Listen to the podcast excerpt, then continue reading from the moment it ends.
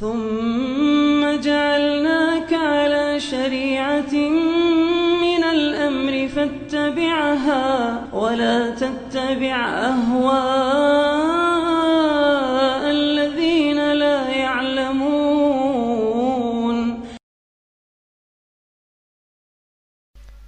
إن الحمد لله نحمده ونستعينه ونستغفره ونعوذ بالله من شرور أنفسنا وسيئات أعمالنا.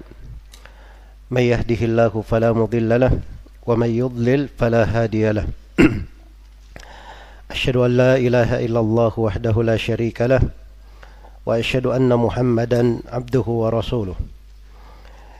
يا أيها الذين آمنوا اتقوا الله حق تقاته ولا تموتن إلا وأنتم مسلمون. يا أيها الناس اتقوا ربكم الذي خلقكم من نفس واحدة وخلق منها زوجها وبث منهما رجالا كثيرا ونساء واتقوا الله الذي تساءلون به والأرحام إن الله كان عليكم رقيبا. يا أيها الذين آمنوا اتقوا الله وقولوا قولا سديدا يصلح لكم أعمالكم ويغفر لكم ذنوبكم ومن يطع الله ورسوله فقد فاز فوزا عظيما أما بعد فإن أصدق الحديث كتاب الله وخير الهدي هدي محمد صلى الله عليه وسلم وشر الأمور محدثاتها فإن كل محدثة بدعة وكل بدعة ضلالة وكل ضلالة في النار ikhwa wal akhwat rahimani wa rahimakumullah. Pada kesempatan pagi hari ini. Sebagaimana tema yang telah diumumkan insyaallah taala kita akan mengkaji Al-Manzuma Al-Haiyah karya Syekh Hafidh Ibn Ahmad Al-Hakami rahimahullahu taala yang lahir pada tahun 1342 Hijriah dan wafat pada tahun 1377 Hijriah. Rahimahullahu taala. Seorang alim yang terkenal di masa ini dan orang yang dikenal di dalam biografinya penuh dengan keajaiban. Umur beliau masih muda, rahimahullahu taala, tapi sudah memiliki berbagai karya tulis dan menonjol di semua bidang ilmu agama dan beliau didikan langsung pembaharu Saudi Arabia di bagian selatan yaitu Syekh Abdullahi Al-Qarawi. Syekh Abdullah Al-Qarawi rahimahullahu taala. Beliau meninggal di umur 35 tahun Syekh Hafidh Al-Hakami rahimahullah. Dari keajaiban yang disebutkan oleh guru kami Syekh Ahmad bin Yahya An-Najmi dan Syekh uh, Ahmad An-Najmi rahimahullah itu kawan Syekh Hafid Al-Hakami sama-sama berguru kepada Abdullah Al-Qarawi. Kata beliau mereka pernah ditugasi oleh Syekh Abdullah Al-Qarawi untuk mengimami sebagian masjid. Maka waktu itu Hafid Al-Hakami dia mengimami sebuah masjid. Dan dia waktu itu masih pemula. Jadi dia menghafal Hafid Al-Hakami menghafal satu juz setiap hari. Setelah dia hafal itu yang dia pakai untuk mengimami manusia di malam hari. Jadi selesai Ramadan dia hafal 30 juz. Ya dia hafal setiap hari satu juz rahimahullahu taala. Adapun uh, bahasa beliau di dalam melantunkan syair-syair, kalimat-kalimat seperti ini, itu kadang uh, mirip dengan apa yang dikenal di kalangan para ulama terdahulu. Seakan-akan mengalir begitu saja, tidak terfikir. Iya. Dan keluar dalam bentuk yang sangat indahnya. Ini salah satunya rahimahullah beliau membahasakan tentang bagaimana hakikat dari kehidupan dunia itu. Dan sudah berlalu di masjid ini di program Mafatihul Ilm kita mengkaji manzumah beliau, manzumah al-mimiyah bil adab wal wasaya ilmiyah terkait dengan etika-etika seorang penuntut ilmu. Dan di dalam manzumah haiyah ini ini tentang zuhud dan tentang bagaimana menyikapi dari kehidupan dunia. Bagaimana seseorang itu mengenal hakikat dari kehidupan dunia. Iya. Ini perkara yang penting untuk selalu diingat oleh seorang penuntut ilmu. Karena ini dari makna-makna yang sangat berpengaruh di dalam kehidupan. Seorang mengerti apa hakikat dari kehidupannya, apa hakikat dari dunia yang dia pijak ini, dan bagaimana sesungguhnya kehidupan dunia itu ini akan membantu dia berjalan dengan benar menuju ke negeri akhirat akan membantunya untuk lebih dekat kepada Allah Subhanahu wa taala. Baik. Saya akan langsung membaca dari mantuma ini. Ya, dan sudah entum pegang ya dari bait-bait syair yang dituliskan oleh penulis Syekh Hafid bin Ahmad Al-Hakami rahimahullah. Jadi kalau dibilang uh, kakek guru, iya, beliau ini kakek guru kita. Karena guru kami Syekh Ahmad An-Najmi walaupun kawan belajarnya, tapi Syekh Ahmad An-Najmi menganggap Hafid Al-Hakami ini gurunya. Dan kami juga berguru kepada Syekh Zaid bin Muhammad bin Hadi Al-Madakhali. Dan beliau juga murid langsung Hafid Al-Hakami. Dan kami juga berguru kepada Syekh Rabi bin Hadi Al-Madakhali dan beliau juga adalah murid Hafid Al-Hakami. Nah baik.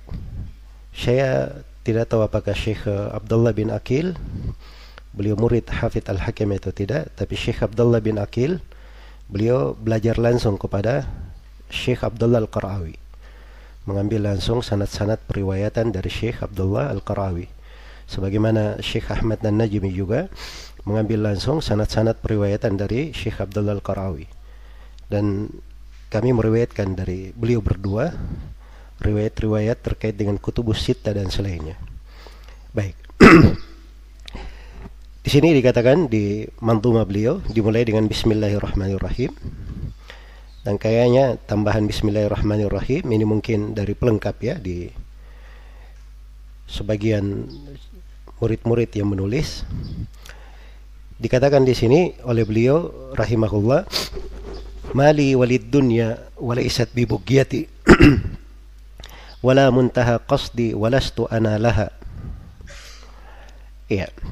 Ini uh, syair ya, syair itu ada timbangannya. Ini berasal dari Bahrut Tawil kalau dalam istilah apa namanya? ilmu al-qawafi wal arud. Dia dari timbangan Bahrut Tawil. Wazannya itu faulun mafailun faulun mafailun. Tawilun lahu dunal buhuri fadailu.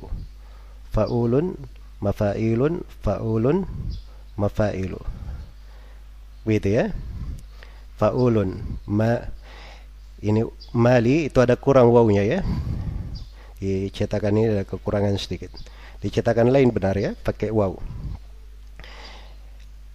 Ya kenapa bisa kita benarkan yang pakai waw? Ya sebab timbangannya seperti itu. Kalau faulun harus pakai waw di depan.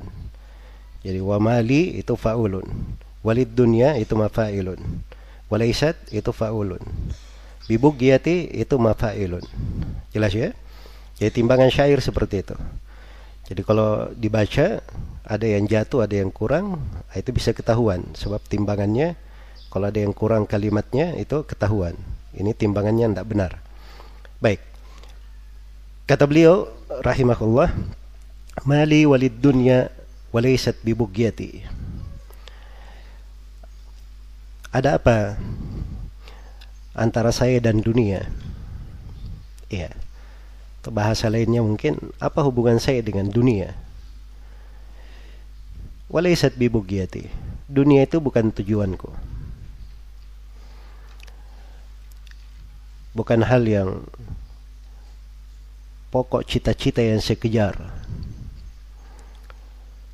Wala muntaha qasdi walastu ala laha.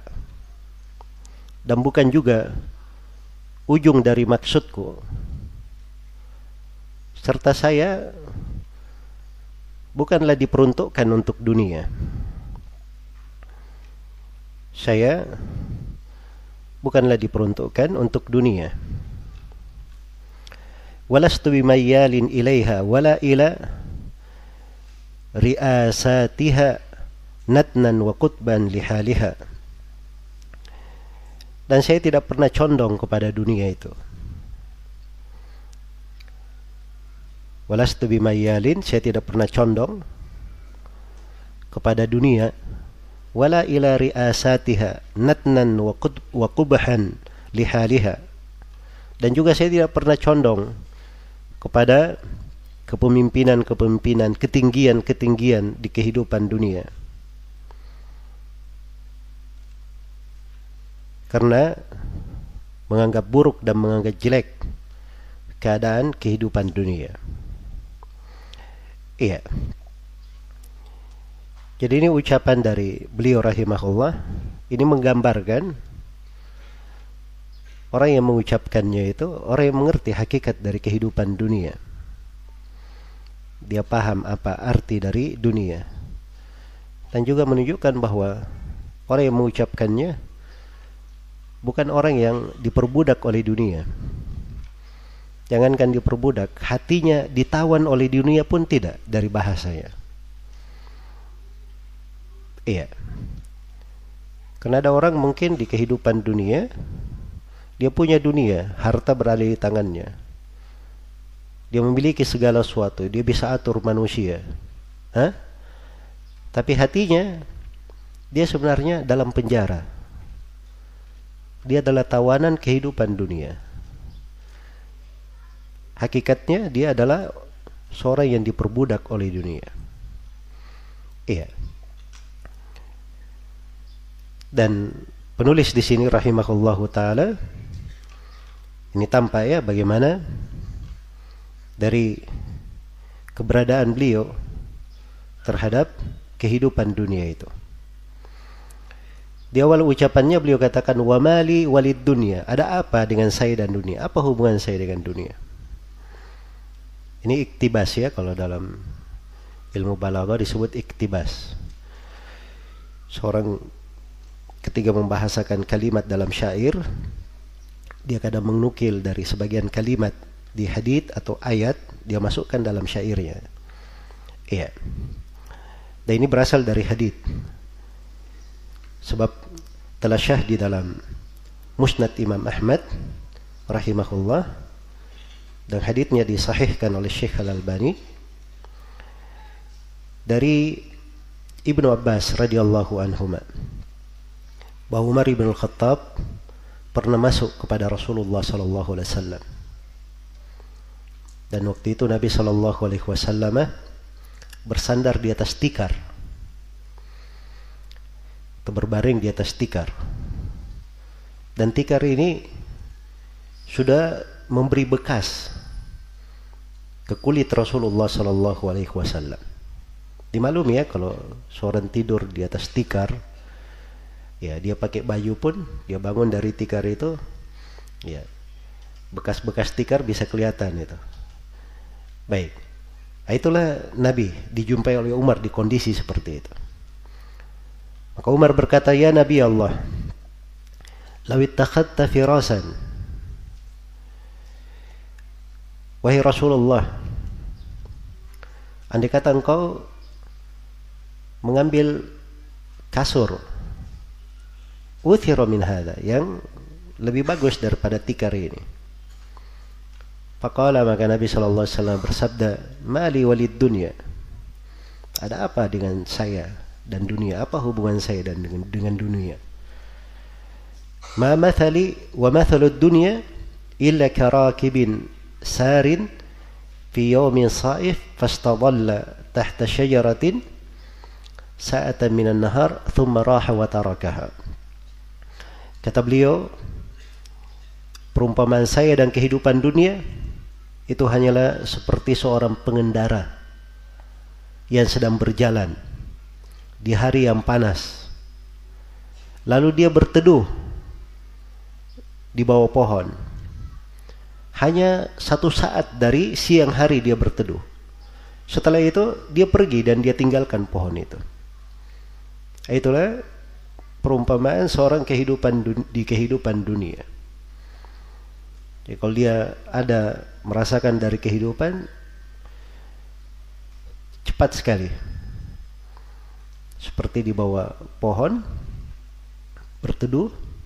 Setelah itu dia berjalan, melanjutkan perjalanannya. Iya. Baik. Karena itu beliau katakan, "Wa mali walid dunya." Ada apa dengan saya dan dunia? Apa hubungan saya dengan dunia? Iya. Nah, ini bahasa-bahasa yang bagus berada di hati seseorang. Itu akan memudahkan dia terhadap banyak dari kehidupan dunia. Ada orang-orang yang subhanallah ya, luput darinya kehidupan dunia, sedihnya itu luar biasa. Menusuk-nusuk hatinya. Iya. Menusuk-nusuk hatinya. Dia sudah ikut tender project, ya sudah di depan matanya, harusnya sudah dia dapatkan, tiba-tiba hilang kesempatannya. Iya. Pedih dia rasakan. Kenapa? Karena dunia itu berpengaruh di dalam hati. Tapi kalau ini kalimat yang diucapkan oleh Nabi mendominasi dirinya, apa hubungan saya dengan kehidupan dunia? Maka akan ringan hal-hal yang seperti itu. Iya. Akan ringan hal-hal yang seperti itu. Ya, seperti kalimat yang biasa kita dengar dari Syekh Shalal Fauzan. Jadi kalau ada yang apa namanya? Tadinya dia menjabat begini terus setelah itu dia diberhentikan atau diturunkan dari jabatannya Syekh kadang berucap hakadat dunia. Itulah dunia. Ya itulah dunia. Jelas ya? Cuma itu kalimat harusnya ada di hati seorang supaya berpengaruh di dalam kehidupan dunia ya sebagian anak muda kadang ada hatinya tersayat-sayat. Ya disebabkan dia ingin melamar seorang perempuan sudah cocok sudah jatuh hati tiba-tiba lamarannya ditolak. Jelas ya? Seakan-akan dunia ini sempit sekali baginya. Seakan-akan perempuan di atas muka bumi cuma itu saja. Ya ini kaidah-kaidah yang harusnya dipahami. Ada apa dengan saya dan kehidupan dunia? Itu dunia semuanya. Itu dunia. Jadi kalau hal ini selalu dia ulang, ini akan memberikan suatu hal yang indah di dalam diri seseorang. Membuat kehidupannya itu menjadi kehidupan yang stabil. Iya. Dan dia tahu apa tujuan dia hidup di atas kehidupan dunia ini. Kemudian kata beliau, walaisat bibugiyati. Dunia itu bukanlah tujuanku, bukan yang saya cari. Iya. Bukan yang saya cari wala muntaha qasdi. Dan bukan pula ujun dari niatku dari maksudku. Ya, kadang niat itu juga perlu diperhatikan. Ya, sebab niat ini yang paling berat untuk dikontrol. Nah, itulah pentingnya seorang mempelajari ilmu tauhid supaya dia kenal bagaimana keikhlasan karena itu di buku-buku tauhid sudah berlalu bersama kita ya di kitab tauhid beberapa bab tentang bagaimana seseorang itu harus menjaga niatnya. Jangan sampai dia beramal akhirat dia kehendaki dengannya apa? Dunia. Dia kehendaki dengannya dunia. Karena itu niat harus selalu diperbaiki. Harus selalu dikontrol. Jadi kalau ada hal yang harusnya selalu dia rapikan, selalu dia benahi atau selalu dia jaga, maka itu adalah niat. Ya, niat ini itu memberi pengaruh besar. Dari sudut niatnya saya itu memberi pengaruh besar pada pandangan Allah untuk seorang hamba. Karena Allah tidak melihat kepada jasad dan kepada rupa-rupa kita. Yang dilihat oleh Allah adalah kepada hati dan apa? Amalan-amalan. Iya. Maka harus diperbaiki dengan baik. Dijaga. Rasulullah sallallahu alaihi wasallam bersabda dalam hadis Zaid bin Thabit diriwayatkan oleh Imam Ahmad dan selainnya kata beliau man kanatid dunya hamma farraqallahu syamlah al-faqra baina aynayhi wa la ta'tihi minad dunya illa ma kutiba lah Barang siapa yang kehidupan dunia itu adalah tujuan hidupnya. Cita-citanya, niatnya itu yang dia cari.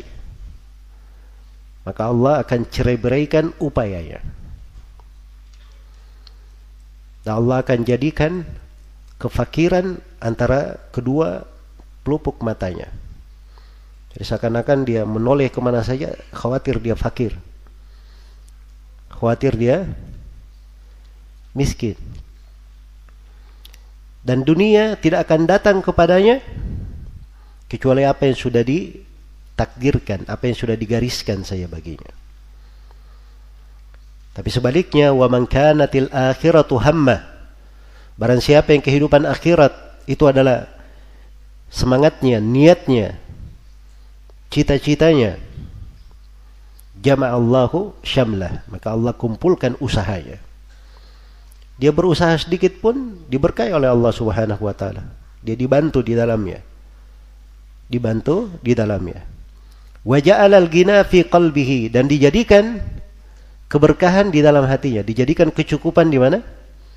Di dalam hatinya. Iya. Ini kekayaan yang paling baiknya. Dan itulah kekayaan yang sebenarnya. Merasa cukup di dalam hati. Karena itu di riwayat lain di hadits Abu Hurairah riwayat Bukhari dan Muslim Rasulullah sallallahu alaihi wasallam bersabda laisal gina an kathratil arad innamal gina gina nafs bukanlah kekayaan itu dengan banyaknya harta benda.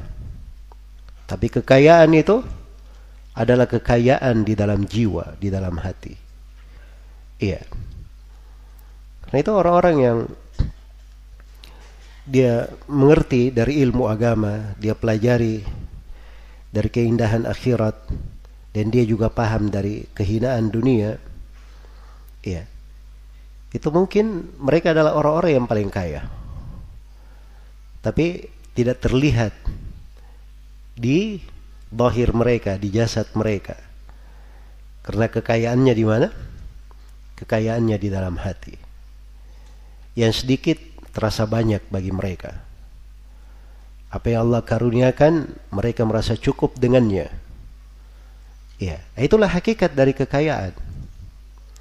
Ada orang-orang yang diberi oleh Allah, masya Allah kelapangan. Tapi kelapangan ini seakan-akan tidak cukup baginya. Tidak cukup baginya. Ini karena dia dia memiliki ini rasa kaya di dalam hati. Iya. Wajah al gina fi qalbihi. Nah itu datang juga di dalam sebagian hadis dari sebab keberkahan. Bagaimana seorang itu diberkahi apabila dia bekerja atau mengambil sesuatu, dia mengambilnya bukan dengan sangat ambisi terhadapnya. Iya, bukan dengan sangat apa? Ambisi. Tapi dia mengambilnya sesuai dengan apa yang Allah berikan. Kalau Allah berikan dia dapatkan alhamdulillah. Kalau tidak, dia syukuri apa yang Allah pilihkan baginya. Itu sudut keberkahan untuk seorang hamba. Nah, kalau ini ada, dia di dalam pekerjaannya pun, di dalam apa yang dia lakukan, itu akan semakin luas kebaikan dan keberkahannya. Saya kembali kepada hadis. Dikatakan wajah al ghina fi qalbihi. Dan Allah jadikan rasa cukup kekayaan di dalam hatinya. wa ta'tihi dunya dan dunia akan didatangkan kepadanya dalam keadaan diseret dunia itu. Datang kepadanya. Dia tidak mau pun dunia datang kepadanya. Ya umat ini tidak dikhawatirkan oleh Nabi kefakiran terhadap mereka. Karena setiap umat ada fitnanya likulli ummatin fitnah wa fitnatu ummati al-mal setiap umat ada fitnanya dan fitnah umatku adalah harta jadi pasti dihadapkan pada fitnah. Iya. Karena itu tidak dikhawatirkan kefakiran untuk mereka. Dalam hadis riwayat Bukhari dan Muslim, Rasulullah bersabda, "Wallahi mal faqru akhsha alaikum." Demi Allah, bukan kefakiran yang aku khawatirkan atas kalian. Itu tidak dikhawatirkan oleh Nabi Shallallahu Alaihi Wasallam. Bahkan yang dikhawatirkan itu dunia akan menjadi fitnah bagi mereka. Iya. Mungkin kita akan baca beberapa hadis nanti tentang pandangan-pandangan seputar kehidupan dunia. Kemudian beliau katakan di sini, walastu analaha. Dan saya bukan orang yang diperuntukkan untuk dunia. Ini juga kalimat penting ya. Seorang itu bagaimanapun dia hidup di dunia, dia itu bukan untuk kehidupan dunia Sebab seorang di dunia ini bukan kekal di dunia. Dia hidup di dunia setelah itu selesai. Tidak. Tapi kita semua ini adalah anak-anak kehidupan akhirat. Abna'ul akhirah. Iya. Akhir dari kehidupan ada namanya negeri akhirat. Dan di negeri akhirat di situlah yang menentukan. Dan di negeri akhirat itu hanya ada dua Farikum fil jannati wa farikum fis sa'ir. Satu golongan di dalam sorga dan satu golongan di dalam neraka yang menyala-nyala. Faminhum syaqiyun wa minhum sa'id. Di antara mereka ada yang merugi dan di antara mereka ada yang beruntung. Yaitu di akhirat nanti. Dan di sanalah keberadaan kita. Apakah kebahagiaan yang kekal abadi atau kesengsaraan yang kekal abadi pula. Nasallallahu lana wa lakumul. Kemudian kata beliau walastu bimayyalin ilaiha wala ila riasatiha natnan wa qubhan lihaliha. Dan saya tidak pernah condong kepada kehidupan dunia. Iya. Bimayyalin bukan orang yang selalu condong kepadanya. Selalu condong kepada kehidupan dunia. Ini perlu diperhatikan dan diingat-ingat akan hal tersebut. Ya. Bukan orang yang condong kepada kehidupan dunia. Baik. Tapi bukan artinya dikatakan dia tidak pernah condong dalam kehidupan dunia, tidak boleh makan makanan yang enak, kamu tidak boleh makan kambing, Hah? jangan makan ayam bakar, tidak boleh pakai pakaian yang bagus. Sebab Nabi Wasallam juga makan daging. Beliau kadang memakai pakaian yang bagus, apalagi kalau ada tamu-tamu, ya, yang datang, atau beliau duduk di dalam menyampaikan hal-hal yang penting. Jelas ya? Apakah itu artinya Nabi tidak zuhud, condong kepada kehidupan dunia? Jawabannya tidak. Beliau adalah orang yang paling apa? Paling zuhud. Iya. Maka ada memang sudut-sudut di pembahasan zuhud itu harus dipahami. Ya, ada sudut-sudut di pembahasan zuhud harus dipahami.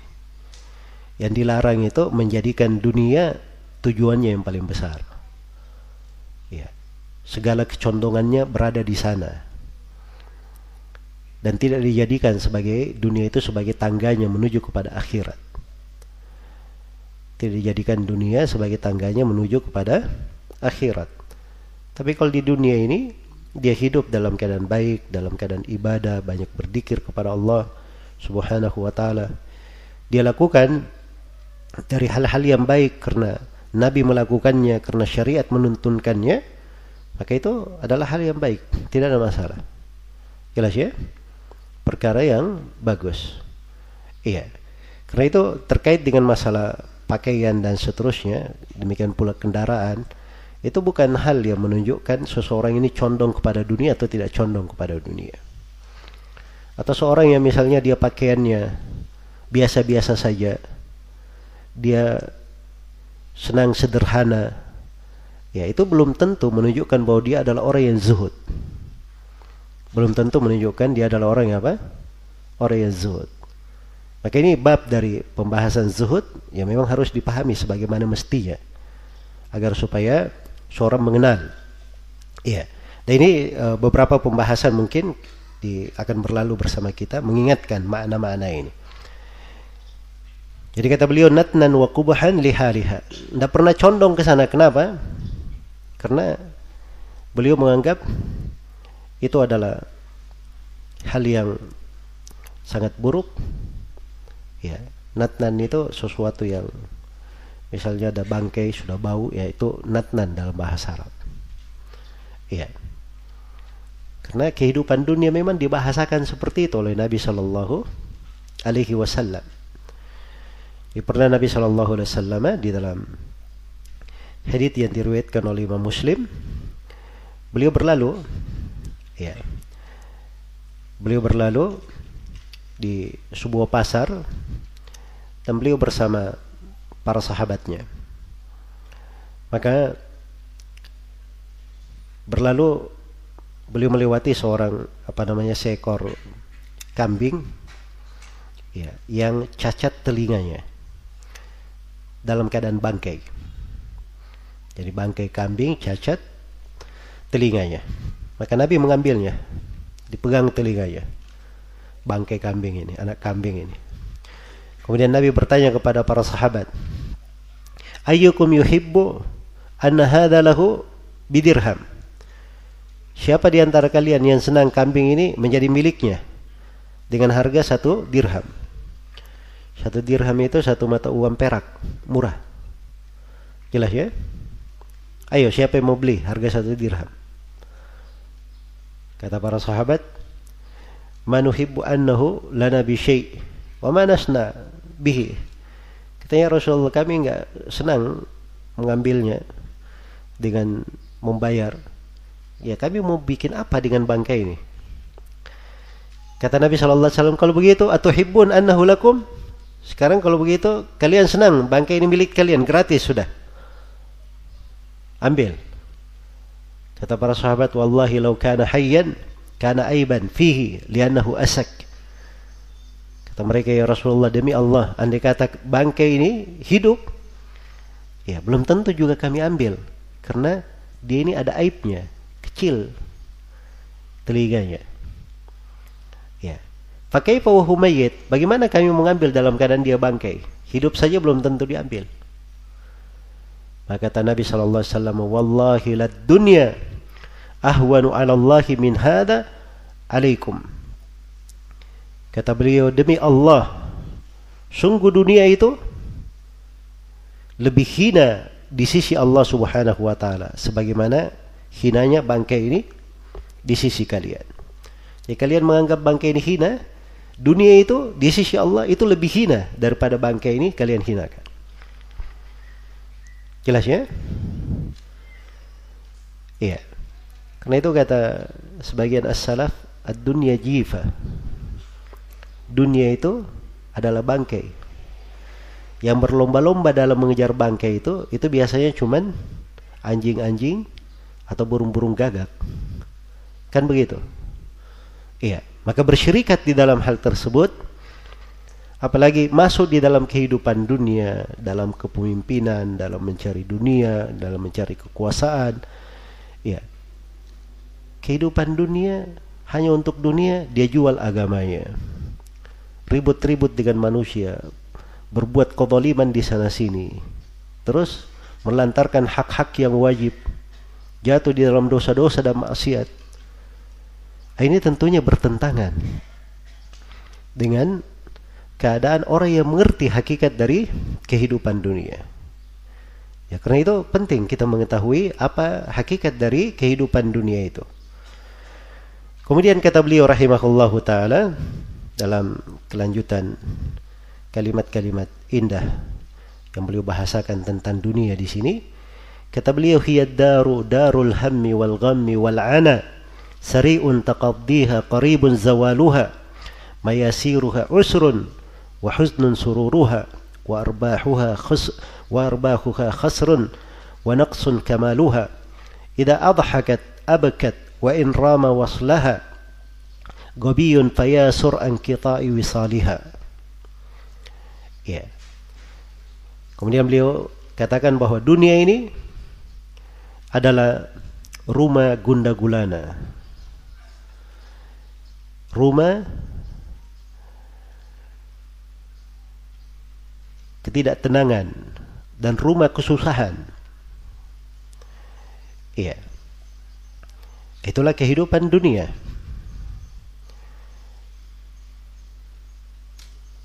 Itulah kehidupan dunia. Jadi kalau mencari yang namanya kesedihan, gunda gulana, ya. Ketidaktenangan dalam kehidupan, ah, itu semuanya diketemukan di dunia. Diketemukan di dalam dunia.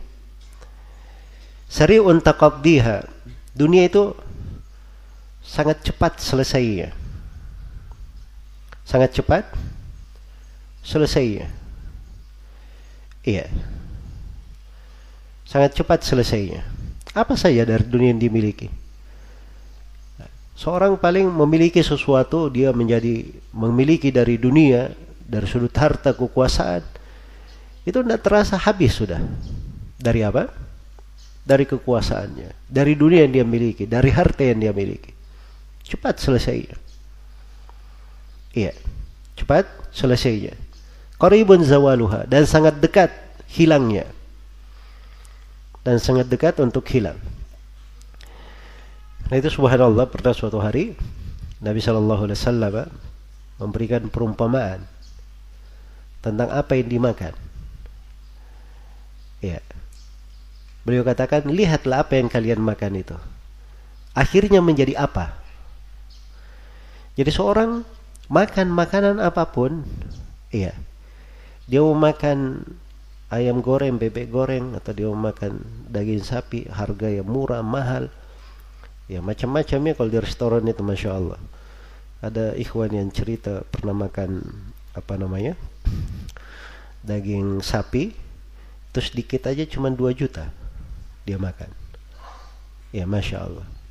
Minuman antum mau minum air aqua harga 5000 perak atau mau minum apa namanya air buah harga 40.000 atau mau minum air kemasan walet eh, harga 100.000 200.000 hasilnya semuanya sama. Keluarnya jadi apa? Nah, itulah yang kalian ketahui kata Nabi. Keluarnya nanti jadi apa? Ya kan?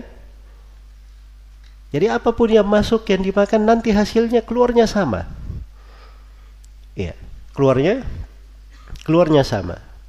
Nah, itu sudut seorang melihat dan memandang bagaimana sebenarnya hakikat dari kehidupan dunia itu. Iya. Dan itu selalu seperti itu. Rasulullah SAW di tengah para sahabatnya bahkan di tengah istri-istrinya. Suatu hari Nabi SAW dapat hadiah seekor kambing. Ya Masya Allah.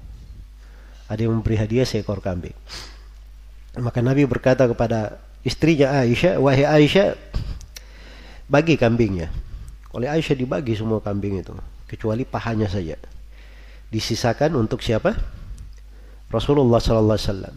Maka setelah itu Nabi bertanya kepada Aisyah, wahai Aisyah, apa yang tersisa dari kambingnya? Kata Aisyah, ya Rasulullah, masih tersisa pahanya. Kata Nabi, tidak. Bahkan tersisa semuanya kecuali pahanya. Nah, itu pandangan untuk hakikat kehidupan dunia, jawaban Nabi. Ya. Kalau Aisyah, beliau menjawab sesuai dengan dohirnya. Kambing memang sudah dibagi semuanya. Yang tersisa cuma apa? Cuma paha. Tapi hakikatnya, yang dibagi, yang disedekahkan, ah, itulah yang kekal bersamanya. Itulah yang tersisa sampai mana? hari kiamat. Yang dimakan ini akan masuk ke dalam perut setelah itu selesai nggak tersisa. Nah, itu jawaban mengingatkan bagaimana hakikat dari apa? Dari kehidupan dunia. Iya.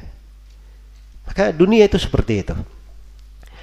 Kemudian kata beliau, mayasiruha usrun. Hal-hal yang mudah itu susah Nah, itu dunia. Iya.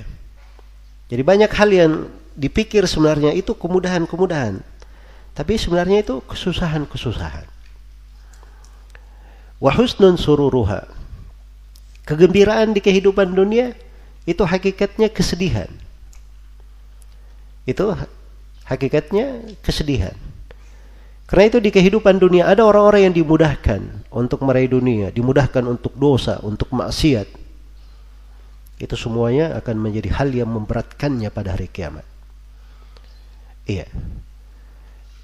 Karena itu disebutkan bagaimana hari kiamat itu sebagai yaumun asir, hari yang sangat berat bagi orang-orang yang kafir.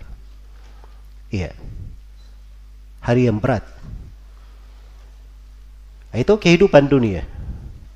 Kegembiraan-kegembiraannya dia tertawa, bersenda gurau dan seterusnya. Ya.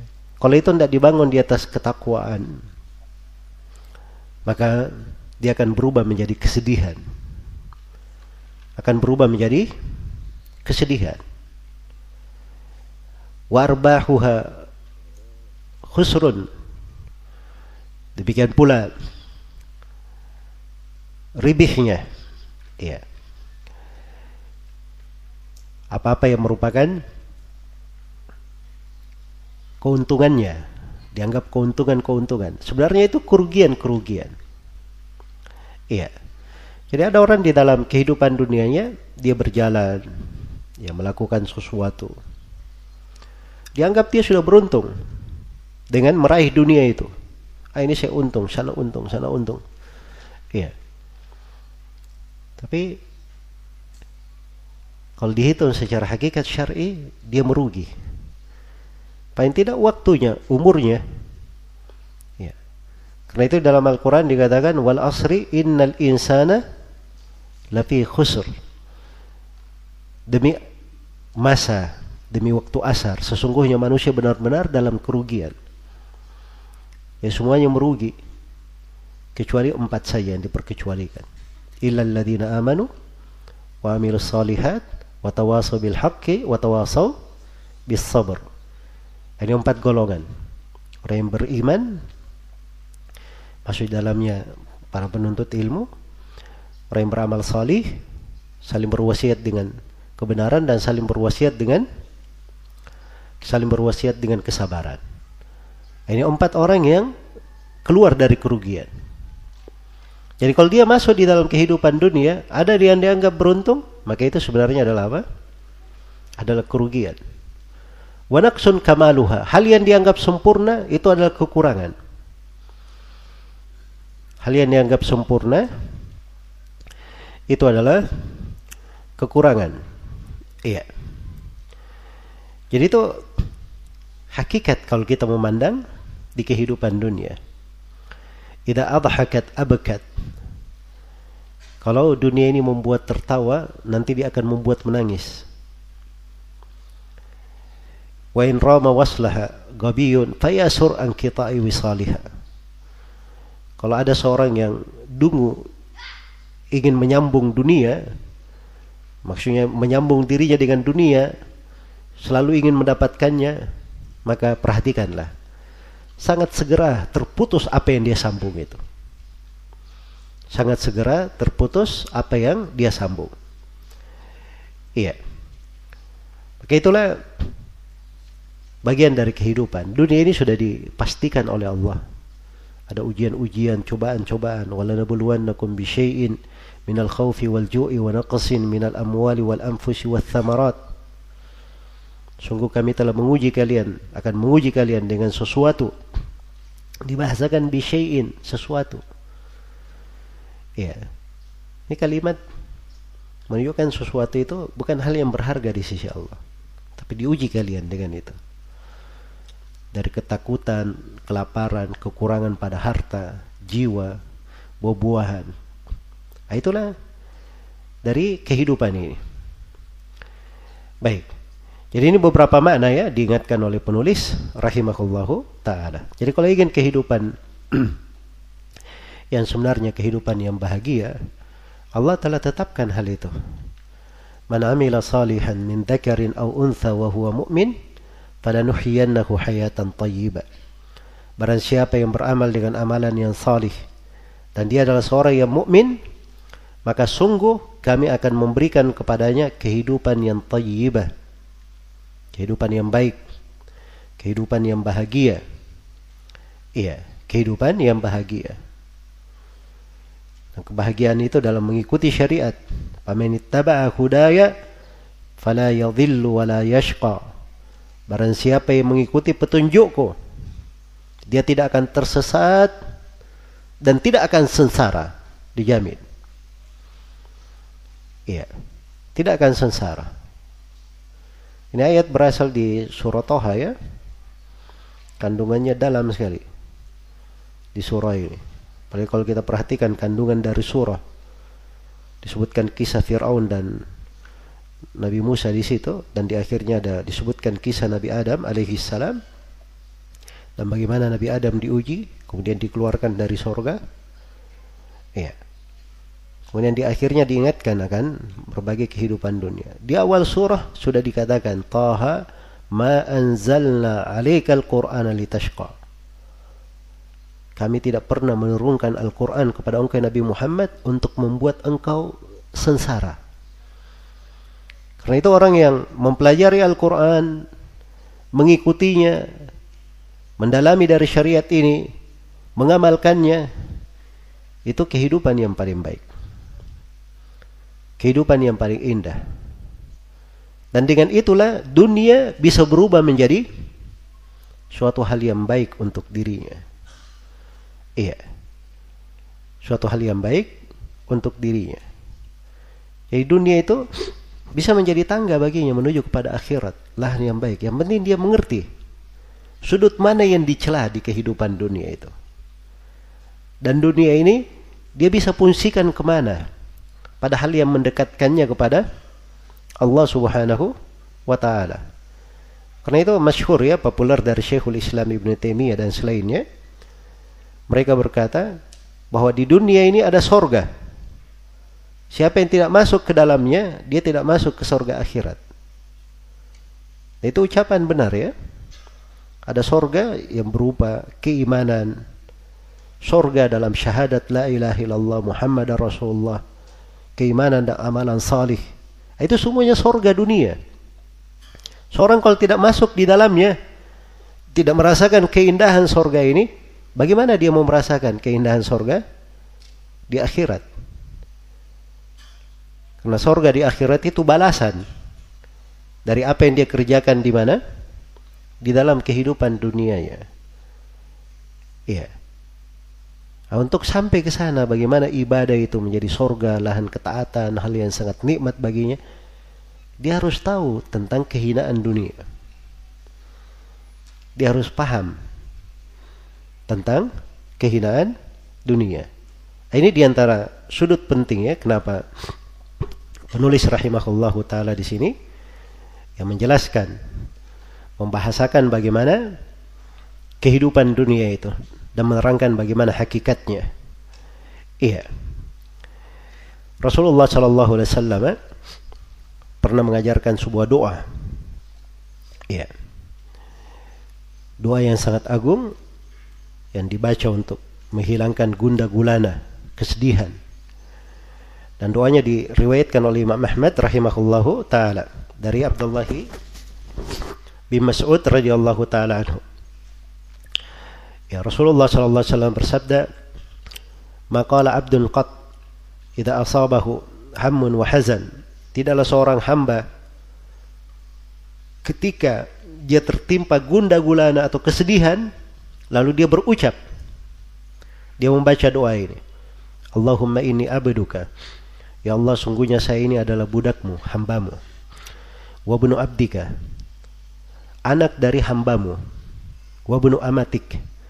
Dan anak dari hamba perempuanmu. Maksudnya ayah dan ibunya, dua-duanya juga hamba Allah subhanahu wa ta'ala. Nasiyati biyadik Ubun-ubunku berada di tanganmu. Madin fiya hukmuk. Berlaku padaku hukummu. Adlun fiyya qada'uk. Dan adil segala ketentuanmu terhadapku. As'aluka bikulli ismin huwalak saya memohon kepadamu ya Allah dengan segala nama yang merupakan namamu. Sammaita bihi nafsak. Apakah engkau namakan dirimu secara langsung dengan nama itu? Au anzaltahu fi kitabik. Atau nama itu engkau turunkan di dalam kitabmu engkau terangkan di dalam kitabmu. Au allamtahu ahadan min khalqik atau nama itu engkau ajarkan kepada seorang dari makhlukmu ista'tharta bihi fi ilmil ghaibi indak atau engkau simpan nama itu di sisimu anta ja'alal qur'ana rabi'a ya Allah saya mohon kepadamu supaya engkau menjadikan Al-Qur'an itu sebagai persemian hatiku Ya, tahu Robi ya? Ya, musim semi. Musim semi. Kalau kita di Indonesia kan cuma kenal dua musim ya. Musim kemarau dan musim musim hujan. Itu musim semi, itu musim yang paling indah itu di dalam setahun. Musim semi. Jadi mohon supaya Al-Quran dijadikan sebagai persemian hatinya. Iya. Wa nuru dan menjadi cahaya dadaku wajala husni sebagai hal yang menyirnakan kesedihanku wadaha bahammi dan perkara yang menghilangkan gunda gulanaku jadi setiap kali dia ucapkan itu maka pasti Allah akan hilangkan gunda gulana dan kesedihan dia. Iya. Nah, ini doa-doa yang agung ya. Insya Allah kapan-kapan ini perlu diterangkan dengan dalam satu ceramah khusus. Iya. Karena memang Nabi Shallallahu Alaihi Wasallam berpesan terkait dengan doa ini ya sepantasnya bagi siapa yang mendengarnya untuk mempelajari kandungan dari doa ini. Baik. Jadi perhatikan ya dalam satu doa seorang itu bisa mendapatkan berbagai keindahan dan kebaikan seperti itu. Nah, itulah kehidupan akhirat. Itulah kehidupan akhirat. Jadi sepanjang keyakinannya benar, keimanannya benar, sebab awal doa itu berisi pembahasan-pembahasan akidah ya, dari keimanan, pembahasan takdir dan seterusnya. Ya. Kemudian pengagungannya terhadap Allah benar, terhadap nama-nama dan sifat-sifatnya. Kemudian dia juga uh, bertawassul kepada Allah Subhanahu wa taala dengan seluruh hal tersebut, maka Allah akan mudahkan untuknya dari berbagai kelapangan, kebahagiaan, keindahan di dalam kehidupan dunia ya.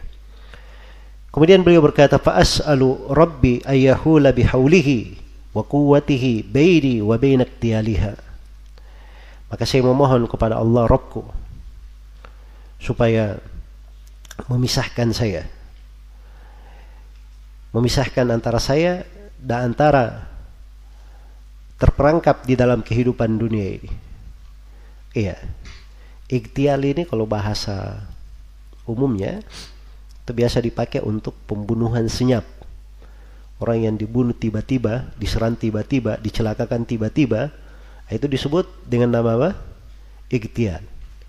Jadi beliau memohon dengan daya dan kekuatan Allah supaya dipisahkan, dijauhkan dari terperangkap oleh dunia seperti itu. Iya. Ini pelajaran yang agung ya.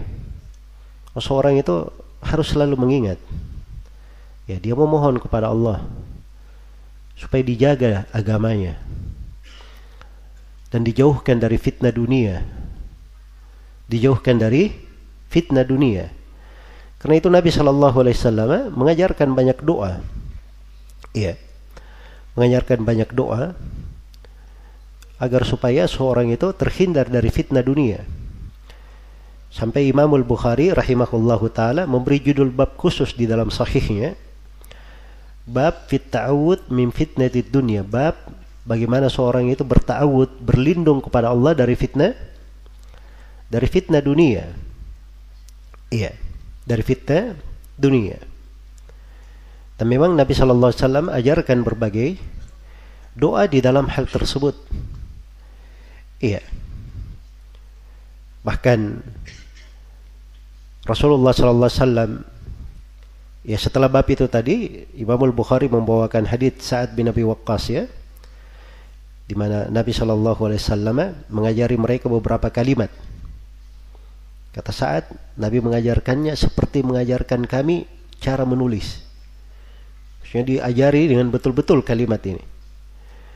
Allahumma ini a'udzubika minal bukhli wa a'udzubika minal jubn wa a'udzubika an uradda ila ardalil umur wa a'udzubika min fitnatid dunya wa adzabil qabr. Ya Allah, saya berlindung kepadamu dari penyakit bakhil. Iya. Karena kebakhilan ini luar biasa ya. Dan itu hal yang membinasakan. Ya.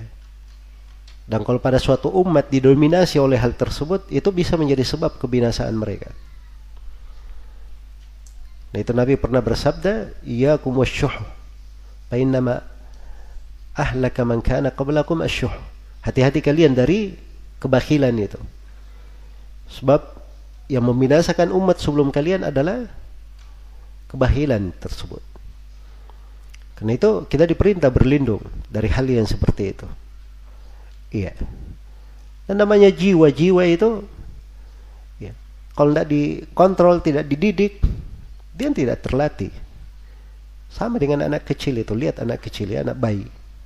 Anak bayi itu awal kali tumbuh memang menyusu dari ibunya, terus menyusu menyusu.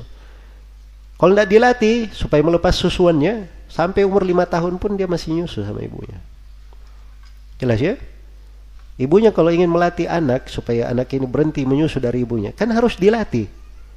Ya mungkin satu dua hari satu pekan mungkin dia banyak menangis gara-gara dikurangi kadar susunya atau diganti dengan hal yang lain. Jelas ya? Ya ada dulu sebagian ibu-ibu tuh kadang apa namanya diberi remason supaya anaknya itu kapok nyusu lagi. Jelas ya? Nah, itu kan hal-hal yang kadang jiwa itu harus dilatih seperti itu. Harus dilatih seperti itu. Iya. Maka pelatihan untuk jiwa ini itu penting. Selalu dia kontrol dirinya. Nah, ini dia rasakan dirinya. Wah ini kayaknya saya ini agak bakhil orangnya. Nah, dia pelajari dirinya. Nah, ini sifat nggak bagus nih. Saya harus obati diri saya. Bagaimana cara mengobatinya? Nah, dia pelajari pintu di pembahasan sedekah, di pembahasan berbuat baik, di pembahasan keutamaan bagaimana seorang menafkahkan hartanya padahal dia juga mungkin sangat perlu dalam hal tersebut. Ya. Itu bentuk-bentuk mengobati. Demikian pula dia berlindung dari penyakit al-juban. Penyakit al-juban. Al-juban ini artinya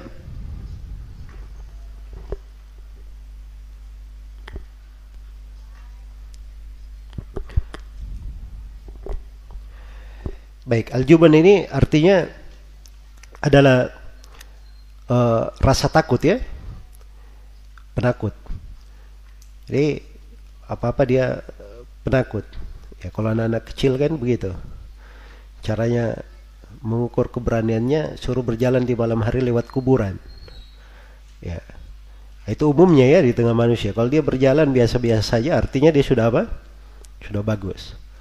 Nah, ini penakut ini harus diobati. Harus diobati. Ya sebab itu bentuk dari penyakit. Jadi ada orang-orang subhanallah ya. Ya. Melihat darah saja itu bisa pingsan. Melihat darah saja. Bisa pingsan. Nah, ini harus dia perbaiki dirinya. Harus dia perbaiki dirinya. Karena jiwa itu seperti yang saya katakan tadi perlu dilatih. Ya karena itu kata seorang penyair yang bahasanya kata beliau ilam tamut bisayfi tamutu bigairihi kalau kamu tidak mati di ujung pedang kamu akan mati dengan cara yang lain. Ta'addadatil asbabu wal mautu wahidu. Sebab-sebab kematian itu banyak. Dan mati itu sama saja satu. Di atas kasur kamu juga mati namanya. Di ujung pedang kamu juga mati namanya. Kan begitu ini cara untuk melatih jiwa di dalam hal tersebut. Dan ini bentuk dari akhlak-akhlak. Ya. Dan di antara caranya seorang berlindung kepada Allah supaya dibantu, dijauhkan dari hal yang seperti itu. Dan dia berlindung juga wa a'udzubika an uradda ila ardalil umur. Ya Allah saya berlindung kepadamu jangan sampai saya dikembalikan kepada umur yang paling apa?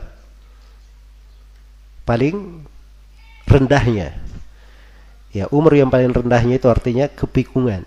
Dia di waktu tuanya menjadi tidak ingat apa-apa, tidak bisa berbuat apa-apa. Iya.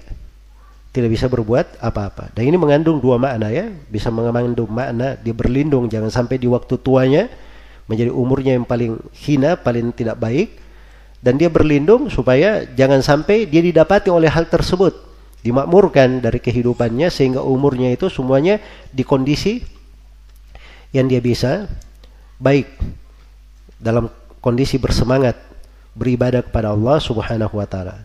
Dan yang terakhir berlindung dari fitnah dunia dan fitnah apa? Fitnah adab kubur. Ya. Dan doa yang diajarkan oleh Nabi Shallallahu Alaihi Wasallam, Rasulullah kadang membaca di setiap majelis yang beliau duduk di situ, sebagaimana dalam hadits riwayat At-Tirmidzi dari Ibnu Umar radhiyallahu anhuma.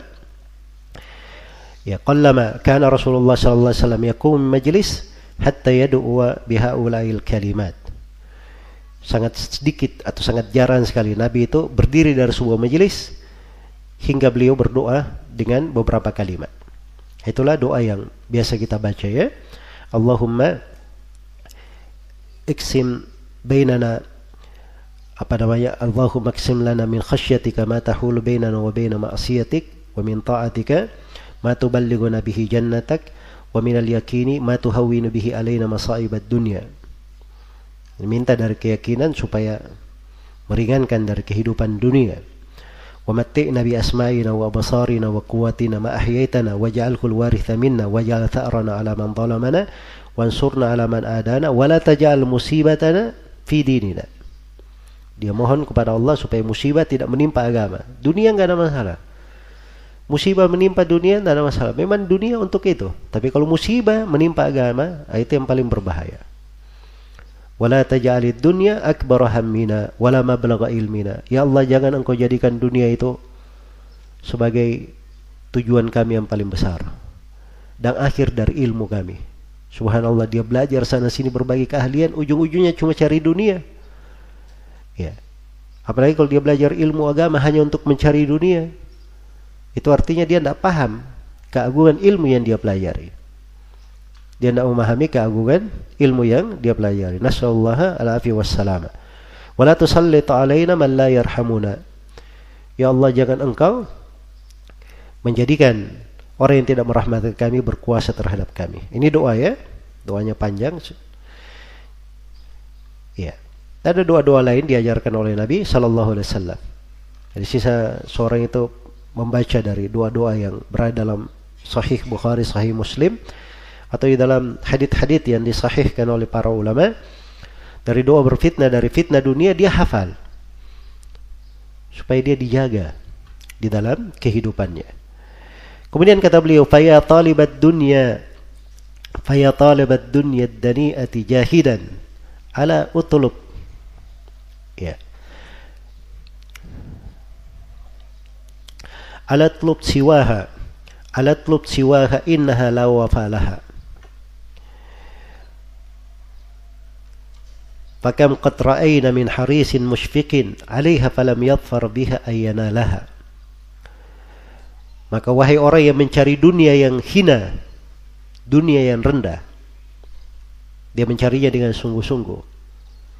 Ingatlah ketahuilah Hendaknya engkau mencari selain daripada dunia itu.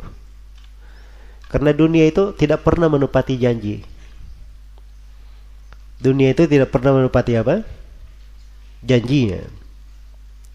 Namanya saja dunia ya. Dunia itu dari kata adani. Suatu yang rendah. Suatu yang hina. Iya. Jelas ya?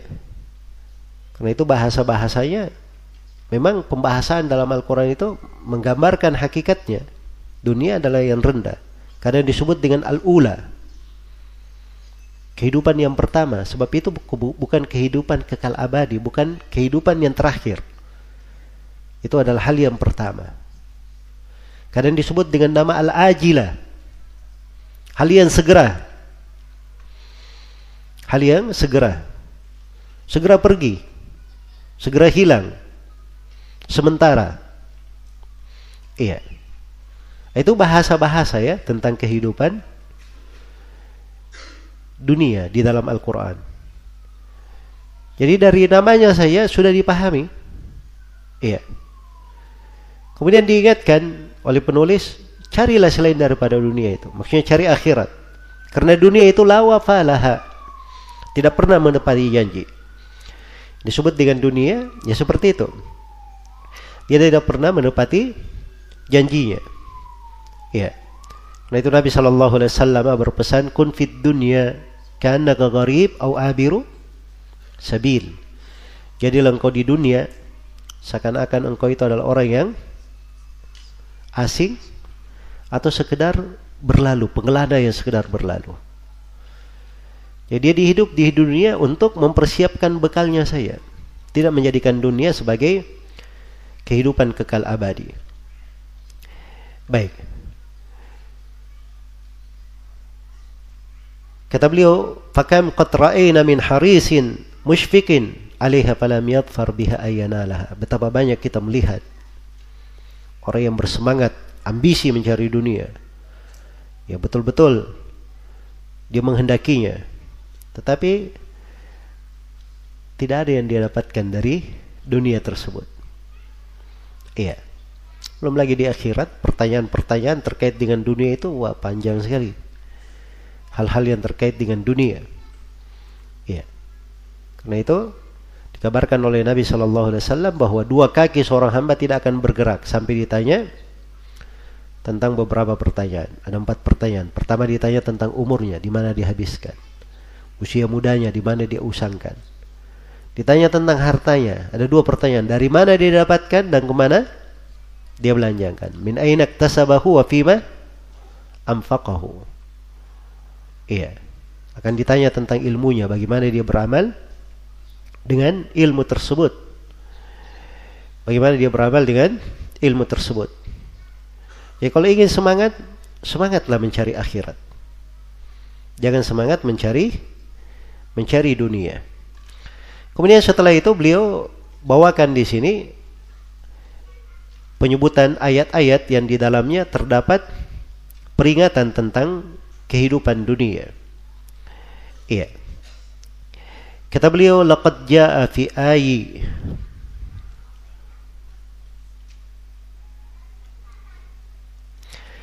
itu tidak ditasydid ya di disambung saja laqad jaa fi ayil hadidi wa yunusin wa Yunusin. Harusnya wa Yunus saya. Tapi ini timbangan syairnya harus seperti itu. Makanya di kasratain. Karena darurat syair namanya. Wa fil kahfi idahun bidarbi mithaliha. Wa fi Ali Imrana. Bisa dibaca Ali Imrana. Dan bisa juga dibaca fi Ali Imranin bisa. Untuk darurat syair supaya menjadi mafailun. Kalau Ali Imrana menjadi mafailu nah, itu boleh juga namanya tapi masuk kemasukan ilal. Wa surati fatirin wa fi ghafirin qad jaa tibyanu haliha wa fi surati al-ahqaf a'zamu wa'idhin. Wa kam min hadithin mujibil li'tizaliha. Masya Allah beliau ringkas di sini kalau ingin menghafal di mana tempatnya dalam Al-Quran ayat-ayat yang mencela tentang kehidupan dunia. Nah, ini tempat-tempatnya.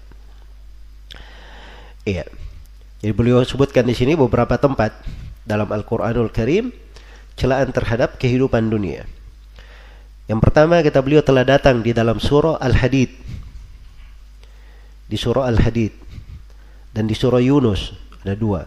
Kemudian yang ketiga di surah Al-Kahfi. Penjelasan bagaimana perumpamaan kehidupan dunia. Kemudian di surah Al-Imran, di surah Fatir dan di surah Ghafir. Ini sudah berapa? Sudah enam ya? Iya. Sudah enam. Dan nanti akan terlihat ya di satu surah ada beberapa tempat. Kemudian di surah Al-Ahqaf. Berarti ini tujuh surah semuanya. Di surah Al-Hadid, kita mulai dari surah Al-Hadid dulu. Apa ayatnya di surah Al-Hadid? Itu ayat yang ke-20 dari surah Al-Hadid. I'lamu annama al-hayatud dunya la'ibun wa lahwun wa zinatun wa tafakhurun bainakum wa fil amwali wal. كمثل غيث أعجب الكفار نباته ثم يهيج فتراه مصفرا ثم يكون حطاما وفي الآخرة عذاب شديد ومغفرة من الله ورضوان وما الحياة الدنيا illa mata'ul gurur. Iya. I'lamu ini perintah, ketahuilah. Itu perlu dipelajari memang. Seorang perlu tahu hal yang seperti itu. Itulah mengenal dari hakikat kehidupan dunia itu dari salah satu kewajiban dalam beragama. Jangan dianggap bahwa pembahasan mengenal hakikat kehidupan dunia itu perkara sebaiknya kita tahu. Itu bagian dari pembahasan adab saja. Tidak itu bagian dari kewajiban. Bagian dari kewajiban.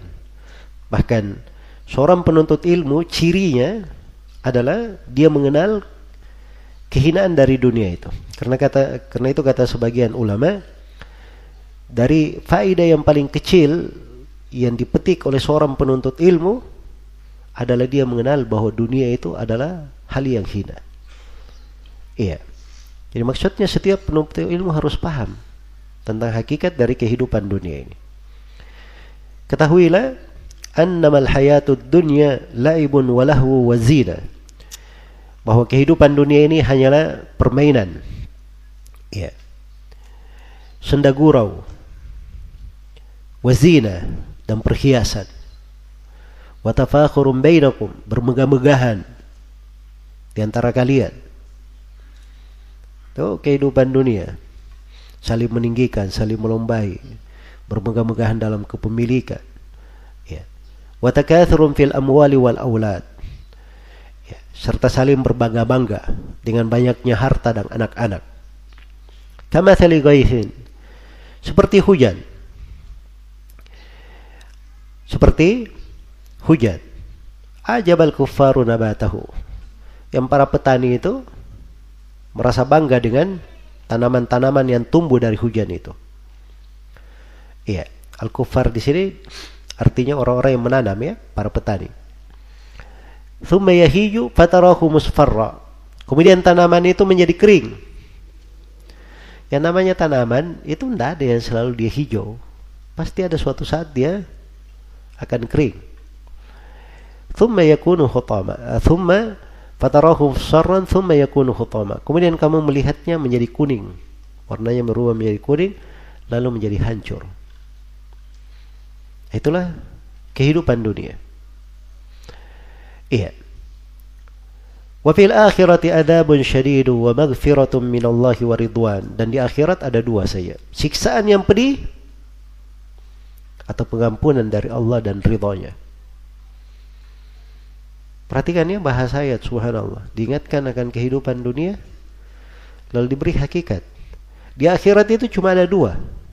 Siksaan yang pedih atau pengampunan dan ridho dari Allah Subhanahu wa taala.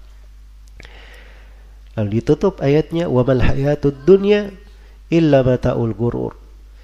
Tidaklah kehidupan dunia itu kecuali hanyalah kesenangan yang menipu. Kesenangan yang menipu. Dia sudah berbangga mendapatkannya, merasa tinggi dengannya. Ternyata di akhirat dunia itu justru mencelakakannya.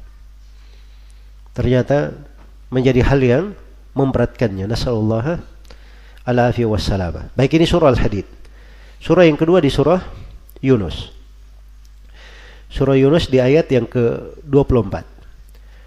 Allah Subhanahu wa taala berfirman, "Innama mathalul hayatid dunya kama in anzalnahu minas sama'i fakhtalata bihi nabatul ard mimma ya'kulun nas wal an'am hatta idza akhadhatil ardu zukhrufaha وزينت وظن أهلها أنهم قادرون عليها أتاها أمرنا ليلا أو نهارا فجعلناها حصيدا كأن لم تغن بالأمس كذلك نفصل الآيات لقوم yatafakkarun. Iya. Sesungguhnya perumpamaan kehidupan dunia. Ini datang dalam bentuk penyebutan perumpamaan.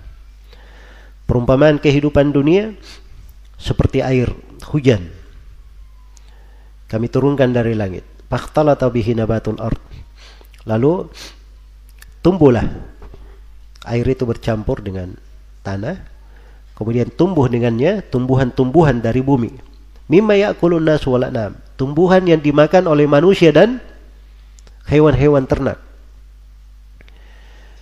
Iya. Hingga apabila bumi telah sempurna keindahannya, ya, wazayyanat dan dia telah memakai bercantik dengan keindahan itu. Wadhanna ahluha. Dan penghuni dunia ini menyangka bahwa mereka ya sudah mampu mengira bahwa mereka menguasai dunia. Ataha amruna lailan aw nahara. Maka tiba-tiba datang siksaan kami kepada mereka. Di waktu siang atau di waktu malam. Faja'alnaha hasidan kallam taghna bil ams. Kami jadikan tanaman-tanaman itu seperti hasidan sudah dipanen sudah disabit. Seakan-akan tidak pernah ada sebelumnya. Tidak pernah tumbuh kemarin. Nah, itulah kehidupan dunia. Datang tiba-tiba Allah mengambilnya. Datang tiba-tiba Allah Subhanahu wa taala menjadikannya hancur. Tidak ada yang tersisa lagi bagi dia. Kadzalika nufassilul ayati liqaumi yatafakkarun. Demikian kami buat perumpamaan atau kami terangkan ayat-ayat bagi orang yang berfikir. Baik. Kemudian ini ayat semisal dengan ayat di surah Al-Kahfi dan ini tempat yang ketiga. Surah Al-Kahfi di ayat yang ke 45 Allah Subhanahu wa taala berfirman wadrib lahum mathalal hayatid dunya Wahai Nabi Muhammad buatlah untuk mereka perumpamaan kehidupan dunia. Nah, ini sini perintah langsung kepada nabinya supaya membuat perumpamaan kepada para sahabatnya kepada umat ini. Bagaimana kehidupan dunia itu? Iya bagaimana kehidupan dunia tersebut? Kama in anzalnahu sama seperti air yang kami turunkan dari langit jadi ini sama ya dengan sebelumnya ayat sebelumnya dibahasakan seperti air diturunkan dari langit. Iya.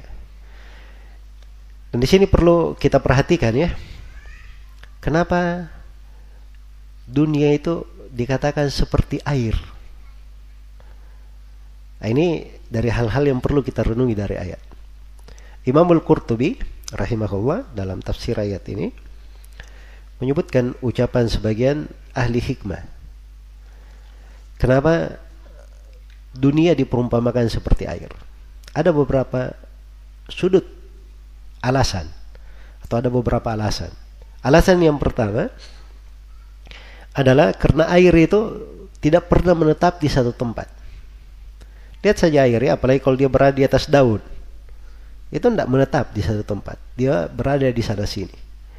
Iya, berada di sana sini. Maka demikian pula dunia. Dunia itu tidak pernah menetap pada satu tempat. Tidak menetap pada satu tempat. Baik, itulah dunia. Itulah dunia. Jadi kalau dunia itu ditanya tentang kesetiaan, tidak ada kesetiaannya. Memenuhi janji, tidak ada memenuhi janji. Jelas ya? Ya kalau mau bercerita tentang cinta, jangan membicarakan hal itu dengan dunia. Karena dunia adalah paling pengkhianat. Tidak pernah menepati janji dan tidak ada kecintaannya pada satu orang saja. Selalu berpindah-pindah.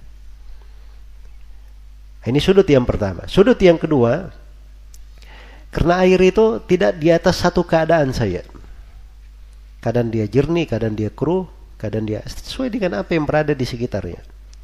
Ya, itulah dunia. Dunia juga seperti itu. Dia selalu berubah-ubah. Selalu berubah-ubah. Iya. Kemudian sudut yang ketiga, air itu dia tidak kekal. Namanya air disimpan, misalnya dia di atas daun sekarang ada air. Ya. Begitu terbit matahari habis menguap air itu hilang ya dunia juga seperti itu diperumpamakan dunia seperti air karena dunia seperti itu. Dia juga akan menghilang. Dia akan menghilang. Kemudian sudut yang keempat air itu tidak ada yang masuk ke dalam air kecuali dia pasti apa? Pasti basah. Ya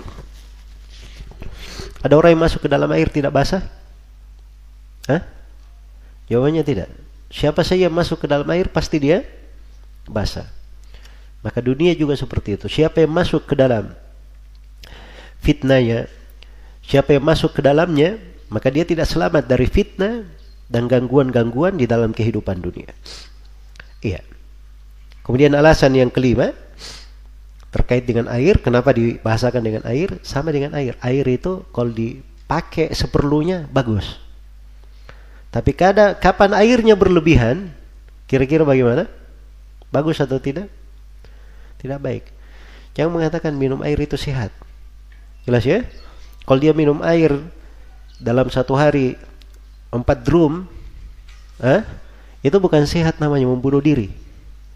Iya, membunuh diri. Jangan dia katakan, oh saya siram air ke tanaman, ini menjaga tanaman supaya tumbuh. Ya, diambil air satu tangki dia siram seluruh tanamannya, banjir di rumahnya habis semuanya. Ah, itu air. Air itu dipakai kalau kadar yang bagus, dia nggak ada masalah. Tapi kapan dipakai lebih daripada kadarnya, dia akan apa? Dia akan merusak. Nah, itulah kehidupan kehidupan dunia. Baik. Jadi itu lima ya, lima hal dan mungkin menggambarkan bagaimana perumpamaan dari kehidupan dunia. Kemudian kata beliau di surah Ali Imran. Di surah Ali Imran, ya ada dua ayat ya di surah Ali Imran.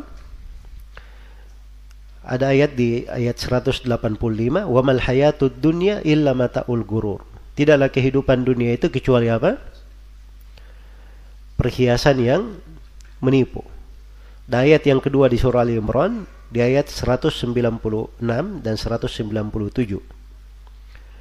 لا يغرنك تقلب الذين كفروا في البلاد متاع قليل ثم مأواهم جهنم وبئس المهاد jangan sekali-sekali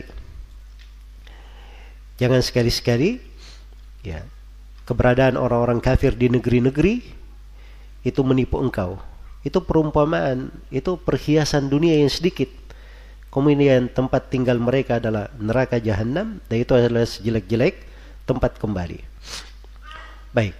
Kemudian berikutnya di surah Fatir. Di surah Fatir di ayat 5. Ya ayuhan nasu inna wa'dallahi haq. Fala tagurrannakumul hayatud dunya wa la yagurrannakum billahil gharur. Wahai sekalian manusia, sungguhnya janji Allah itu maha benar. Maka jangan sekali-sekali kehidupan dunia menipu kalian. Dan jangan sekali-sekali syaitan menipu kalian dari Allah subhanahu wa ta'ala. Baik.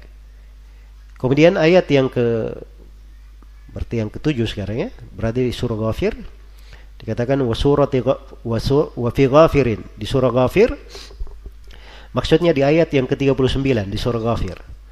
Ya qaumi innama hadhil hayatud dunya mata wa innal akhirata hiya darul qarar. Ini masuk di dalam ucapan mukmin ya dari keluarga Firaun itu.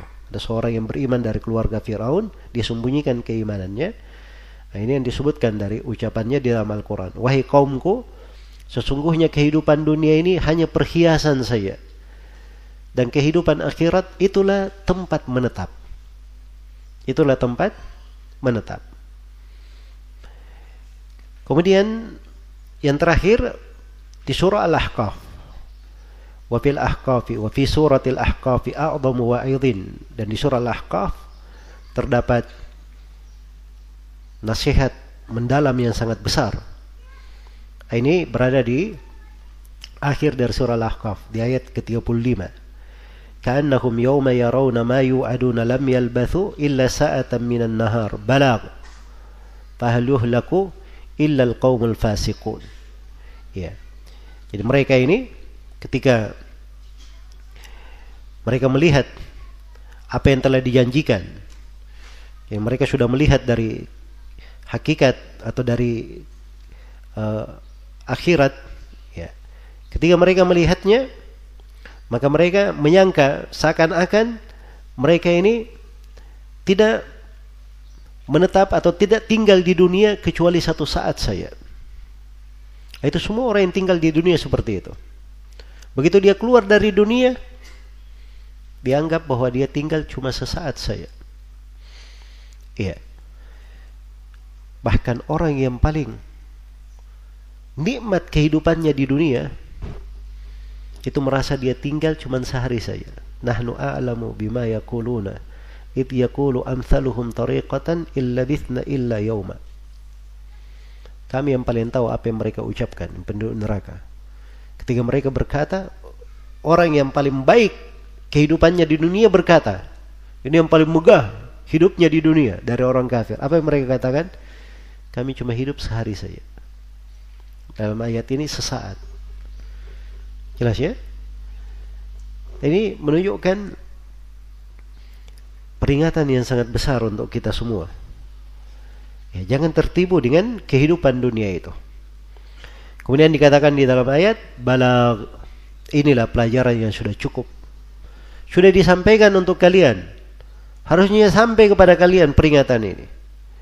Iya. Fahal yuhlaku illal qawmul fasiqun. Maka tidaklah dibinasakan kecuali orang-orang yang fasik saja. Baik. Jadi ini Masya Allah ya dari tujuh tempat dalam Al-Quran ditunjukkan oleh Syekh ya penjelasan-penjelasan tentang kehidupan dunia. Kemudian kata beliau wa kam min hadithin mujibin li'tizaliha. Betapa banyak hadith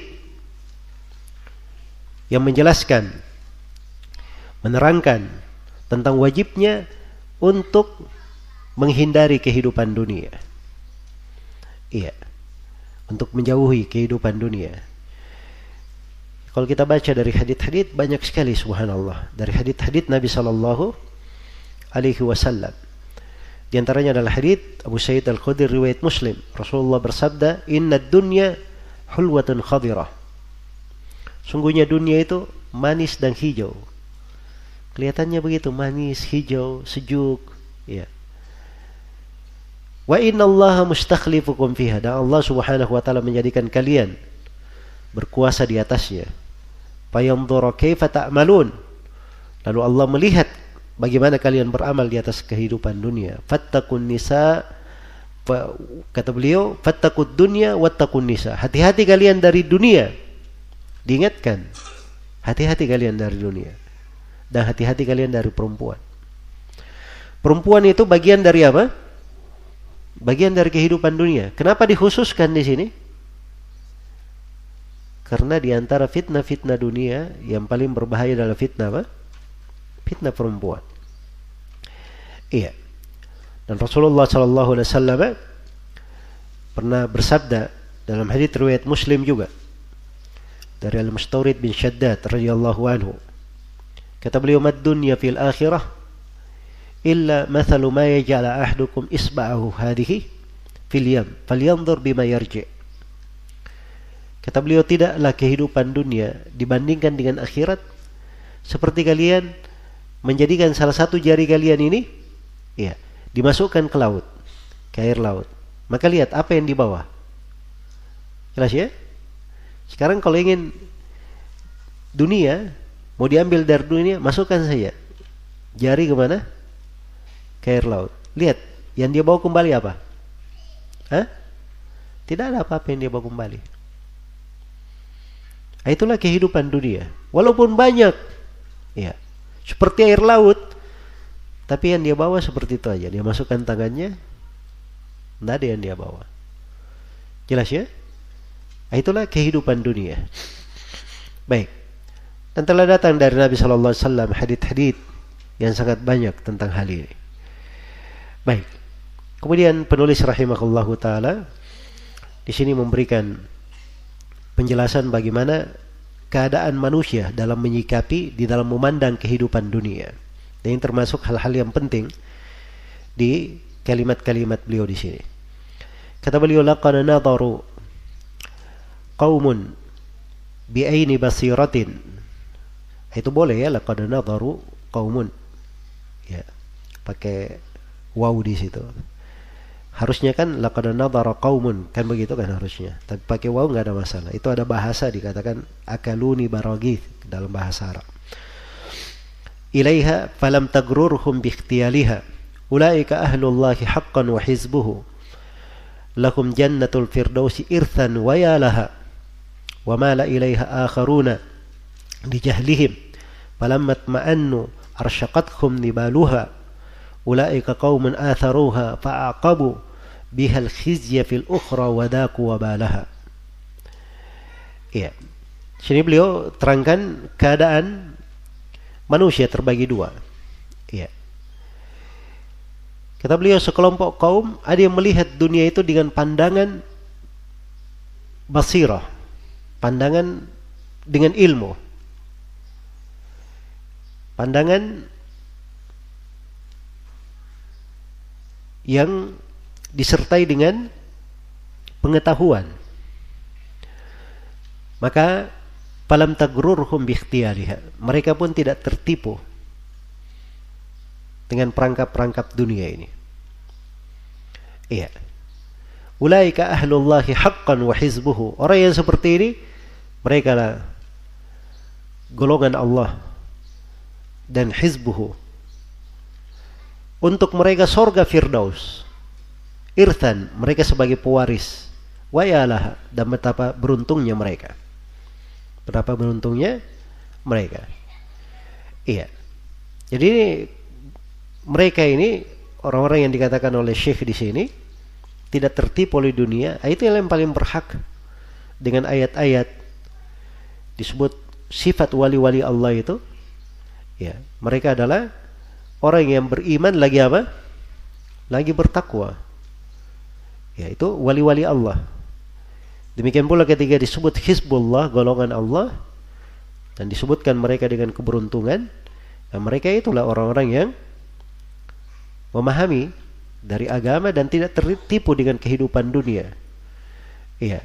Ayah-ayahnya, saudara-saudaranya, istri-istrinya, anak-anaknya, ya golongannya itu tidak memalingkannya dari kebenaran, tidak tertipu dari kehidupan dunia. Sebagaimana mereka pula orang-orang yang mewarisi sorga Firdaus. Ulaika humul warithun alladzina yarithun al-firdausa hum fiha khalidun. Mereka adalah para pewaris orang-orang yang mewarisi sorga dan mereka kekal di dalamnya. Mereka kekal di dalamnya. Iya. Maka ini golongan yang pertama. Golongan yang kedua, wa mala ilaiha akharuna li jahlihim. Sekelompok manusia lain condong kepadanya karena kejahilan mereka. Karena kejahilan mereka. Dan ini tambih indah ya dari penulis. Jadi kalau ada yang tertipu dengan dunia, itu kadang di antara sebabnya adalah kejahilan. Dia tidak mengerti tentang apa? Tentang tipu daya dunia itu. Iya. Dan kadang seorang ada yang mengetahui tapi dia lebih condong kepada hawa nafsunya atau disesatkan di atas ilmu. Nasallallahu alaihi Akhirnya dia jatuh ke dalam apa? Ke dalam kehidupan dalam fitnah-fitnah dunia itu. Falammat falammat ma'annu arsyaqathum nibaluha. Begitu mereka sudah tenang dengan kehidupan dunia ini, maka tombak-tombak fitnah dunia ini menghujam mereka sampai mereka tersungkur mati. Iya. Ini kondisi orang yang terfitnah dengan kehidupan dunia. Baik. Kemudian kata beliau, "Fakul lil ladina ruidakum." Maka katakanlah kepada orang-orang yang menganggap manis kehidupan dunia itu. Pelan-pelan kalian. Ruidakum. Pelan-pelan. Perhatikan baik-baik. Jangan tergesa-gesa. Sayang kalibus summun naki'u zulaluha. Ya, racun yang sangat berbahaya itu akan berubah menjadi air yang sangat sejuk. Ya, akan berubah menjadi apa? Air yang sangat sejuk. Jadi kalau dia menganggap dunia itu manis, dunia itu indah, dunia itu segar, itu ibaratnya seperti racun yang sangat berbahaya dia anggap sebagai air yang sangat segar. Air yang sangat apa? Yang sangat segar. Ya, subhanallah. Ya seorang itu kalau dia merasa dirinya sudah haus sekali, pengen sekali menganggap suatu suatu itu yang berada depannya walaupun racun tapi dia melihatnya seperti air putih, oh itu dia akan minum sebanyak-banyaknya. Jelas ya? Nanti kalau dia sudah mati, sudah berbusa-busa mulutnya, karena keluar dia minum racun ya baru dia sadar oh rupanya saya minum racun tadi Nah, kehidupan dunia seperti itu. Baik. Kata beliau ulaika qaumun atharuha fa'aqabu bihal khizya fil ukhra wa dhaqu wabalaha. Mereka ini adalah satu kaum yang mereka ini lebih mengedepankan dunia. Mereka lebih mengedepankan kehidupan dunia. Iya. Jadi melihat kehidupan dunia itu dengan pandangan seperti itu, subhanallah. Dia melihat kehidupan dunia dengan pandangan seperti itu. Akhirnya lebih dia kedepankan dunia. Akhirnya apa yang terjadi? Allah Subhanahu wa taala timpakan mereka kehinaan di akhirat dan mereka merasakan kepedihan siksaan di sana. Merasakan kepedihan siksaan di akhirat tersebut. Iya.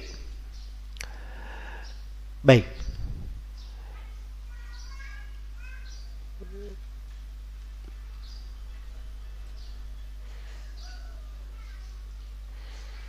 Kayaknya ada yang lompat tadi ya. Jadi wa mala ilaiha akharun jahlihim falamma tma'annu arsyaqatkum nibaluha ulaika qaumun atharuha fa'aqabu bihal khizya fil ukhra wa dhaqu wabalaha. Ini kondisi yang pertama ya, yang tadi uh, apa namanya? Orang-orang yang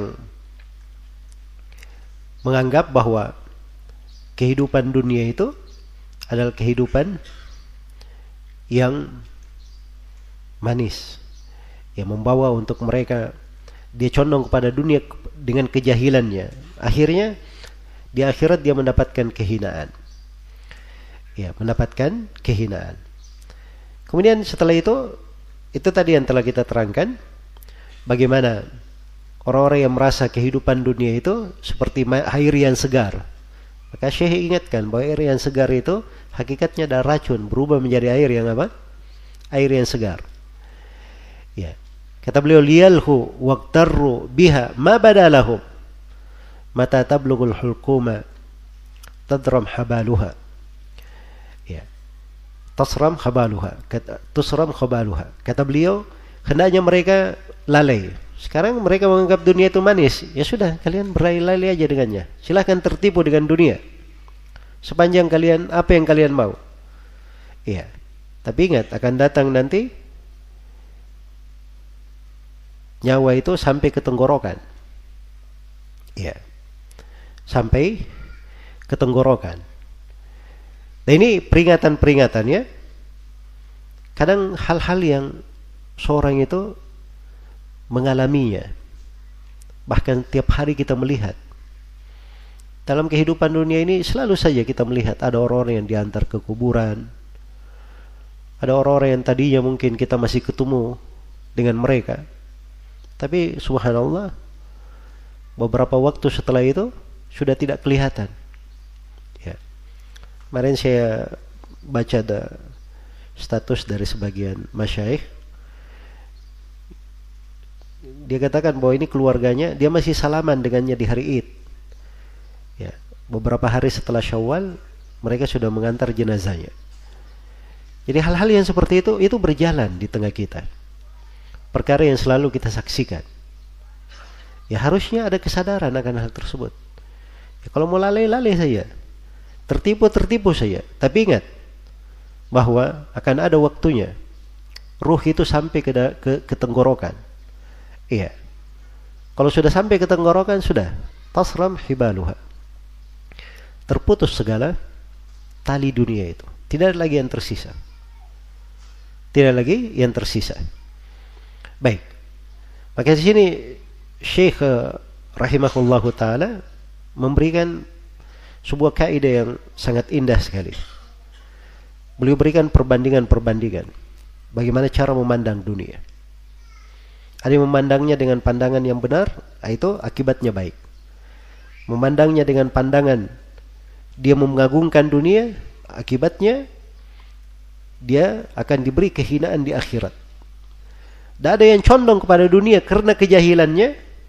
Ya, sampai kapan dia mau lalai seperti itu, tertipu dengan dunia? Akan datang nanti kematian menjemputnya dan dunia akan terputus tali-talinya, sudah tidak ada lagi yang tersisa. Jelas ya?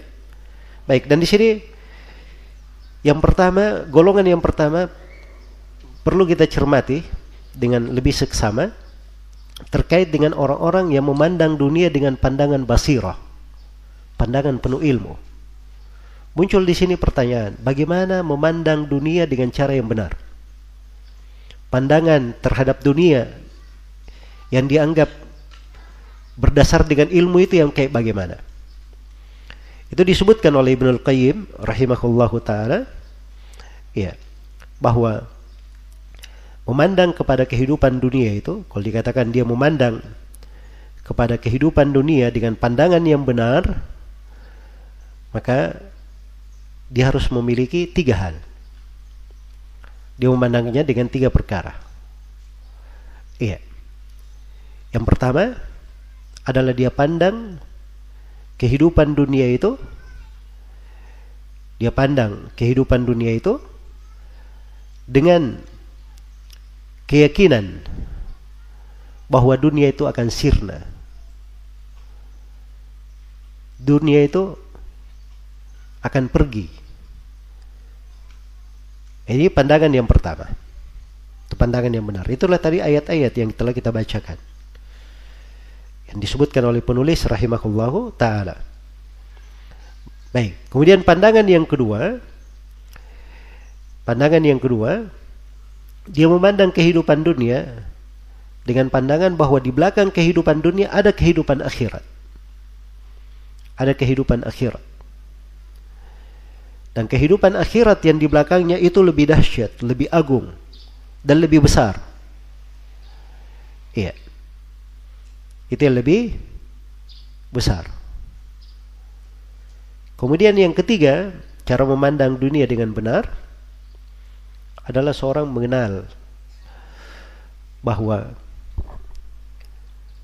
dunia itu kalau dia zuhud terhadapnya dia kata misalnya dia zuhud ya tidak ambisi pada dunia maka tidak ada yang bisa menahan rezeki yang Allah sudah tetapkan untuknya jelas ya sekarang ada orang santai-santai kerja tapi Allah tetapkan orang ini punya akan dapat rezeki berlimpah bergelimang dengan harta. Tidak ada yang bisa menahan pemberian Allah, walaupun dia cuman biasa-biasa saja. Demikian pula sebaliknya, orang yang ambisi untuk menggapai dunia, kalau Allah takdirkan dia adalah orang yang pas-pasan mendapatkan kehidupan dunia, tidak ada yang bisa merubah ketentuan Allah. Jelas ya? Nah itu sudut yang ketiga, cara memandang dunia. Ya. Bahwa apa yang Allah Subhanahu wa taala bukakan untuk seorang hamba dari kehidupan dunia itu semuanya berdasarkan takdir dan ketentuan Allah. Dia semangat, ambisi atau dia zuhud, dia tidak peduli menghinakan dunia itu semuanya tidak berpengaruh terhadap dunia akan dia dapatkan sebab dunia yang datang kepadanya itu semuanya sudah ditentukan oleh Allah Subhanahu wa taala. Baik. Jadi ini tiga hal, tiga perkara apabila selalu diingat oleh seorang hamba, ini akan memudahkan dia untuk memandang dunia dengan pandangan yang baik, pandangan yang basirah. Jadi saya ulangi yang pertama tadi apa? Dia pandang dunia bahwa itu adalah kehidupan yang akan sirna, sesuatu yang akan pergi. Kemudian yang kedua, dia memandang dunia bahwa di belakang dunia itu ada kehidupan yang lebih lebih baik, ada kehidupan yang lebih dahsyat. Itulah kehidupan akhirat. Kemudian yang ketiga, dia memandang dunia bahwa apa saja yang dia dapatkan di dunia semuanya sudah ditentukan oleh Allah. Dia ambisi, tidak ambisi, dia zuhud, dia berpaling darinya, semuanya sudah ditetapkan oleh Allah Subhanahu wa taala. Nah, begitu cara memandangnya. Maka akan mudah seorang itu menjalani dari kehidupan dunianya. Baik. Kemudian kata beliau rahimahullahu taala, ya. Wa yauma tuwaffa kullu nafsin bikasbiha tawaddu fidaan law baniha wa maliha law baniha wa malaha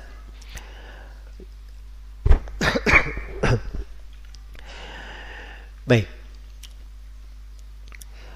Wa ta'khudhu imma bil yamini kitabaha in ahsanat aw diddada bi shimaliha Kemudian kata beliau rahimahullahu taala Wa yawma tuwaffa kullu nafsin bikasbiha. Dan hari ketiga jiwa itu diwafatkan berdasarkan perbuatannya sendiri. Tawaddu fidaan. Maka dia akan mengharapkan untuk menebus dirinya Lau baniha wa malaha. Walaupun dia tebus dengan harta dan anak dia tebus dengan anak-anak dan hartanya. Iya. Dia tebus dengan harta dan apa saja yang dia miliki. Walaupun itu anak-anaknya. Ya, dia rela menebusnya. Itu di hari kiamat. فكيف إذا جمعناهم ليوم لا ريب فيه ووفيت كل نفس ما كسبت وهم لا يظلمون Bagaimana kondisi mereka? Ketika kami kumpulkan mereka di hari yang tidak ada keraguan di hari itu. Di hari yang tidak ada keraguan di hari tersebut. Dan setiap jiwa akan disempurnakan terhadap apa saja yang dia lakukan. Dibalas secara sempurna, tidak ada kekurangan. Wahum la yudlamun. Dan mereka tidak akan dizalimi di ayat yang lain thumma tuwaffa kullu nafsin bima kasabat wahum la yudlamun kemudian setiap jiwa akan digenapkan akan dibalas secara sempurna sesuai dengan apa yang mereka lakukan dan mereka tidak akan ditolimi di hari kiamat itu ada yang rela untuk menubus dengan hartanya dengan anaknya. Ya. Yawaddul mujrimu yawma idin liyawaddul mujrimu bi banih wa sahibatihi wa akhihi wa fasilatihi allati tuwi wa man fil ardi jami'an thumma yunji. Itu pada hari kiamat.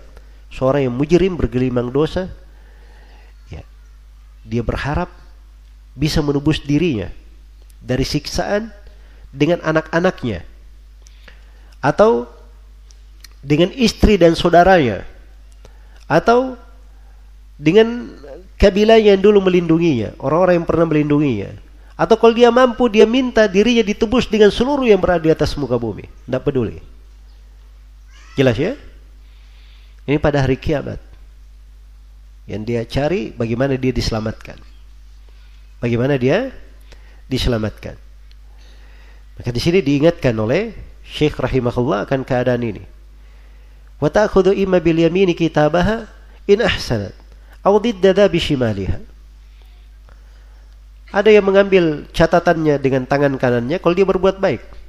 Dan ada yang sebaliknya, diambil dengan tangan kirinya kalau dia berbuat jelek. Ya, wa yabdu ladaiha ma asarrat wa alanat wa ma qaddamat min qawliha wa fi'aliha kemudian akan tampak semuanya pada hari kiamat apa yang dia rahasiakan apa yang dia terang-terangan apa yang telah dia lakukan dari ucapan dan perbuatannya ini diingatkan oleh penulis rahimahullah bahwa seorang itu nanti kesadarannya muncul kapan? Ketiga di hari kiamat. Ya pada saat dia melihat apa yang dia lakukan secara rahasia, apa yang dia lakukan secara terang-terangan, apa yang dia kedepankan, apa yang dia ucapkan, apa yang dia lakukan, semuanya telah dia saksikan, baru dia menyadari akan hal tersebut. Iya. Tadi mana diterangkan di dalam banyak ayat Al-Quran. Kemudian beliau katakan, wa bi aidil kiramil katibina musattarun falam tughni anha udruha wa jidaluha di tangan-tangan malaikat yang mulia yang menulis telah tertulis seluruh catatan maka tidak ada lagi udur yang bermanfaat. Tidak lagi ya manfaat dia mendebat berbicara. Semuanya tercatat. Yang dia lakukan kecil maupun besar kasar maupun halus semuanya sudah tercatat di tangan para malaikat. Hunalika tadri ribahaha wa khasaraha wa idzaka talqa ma ilaihi ma'aluha. Nah, pada saat itulah dia baru mengerti siapa baru dia sadar mana hakikat keberuntungannya dan mana hakikat kerugiannya. Iya. Karena pada saat itu dia baru melihat akhir dari kehidupannya. Ya. Ma'al yang sebenarnya ujung dari apa yang dia lakukan sebenarnya itu apa. Fa in takum min ahli sa'adati wat tuqa fa lahal husna bi husni fi'aliha. Kalau dia dari orang yang beruntung dan orang yang bertakwa, maka untuknya sorga al-husna dengan perbuatan yang dia lakukan. Karena Allah berfirman dalam Al-Quran, ahsanul husna wa ziyada. Bagi orang-orang yang berbuat baik, berbuat ahsan di kehidupan dunia, maka dia dapat pahala yang sama, sorga al-husna dan dapat tambahan. Tambahan maksudnya di sini diterangkan dalam hadis riwayat Muslim yaitu melihat kepada wajah Allah Subhanahu wa taala pada hari kiamat. Iya. Kita melihat tafuzu bi jannatin naimi wa huriha wa tuhbaru fi rawdatiha wa dhilaliha wa turzaqu bima tashtahi min naimiha wa tashrabu min nasimiha wa zulaliha wa inna lahum yawmal mazidi la ziyadata zulfa baik. ziyadata zulfa gairuhum la yanaluha wujuhun ila wajhil ilahi nawadiru laqad talama bid-dam'i kana ibtila'uha tajallalaha ar-rabbur rahim musalliman fayazdadu min dhalika min dhaka tajalli jamaluha بمقعد صدق حبذا الجار ربهم ودار خلود لم يخاف زوالها baik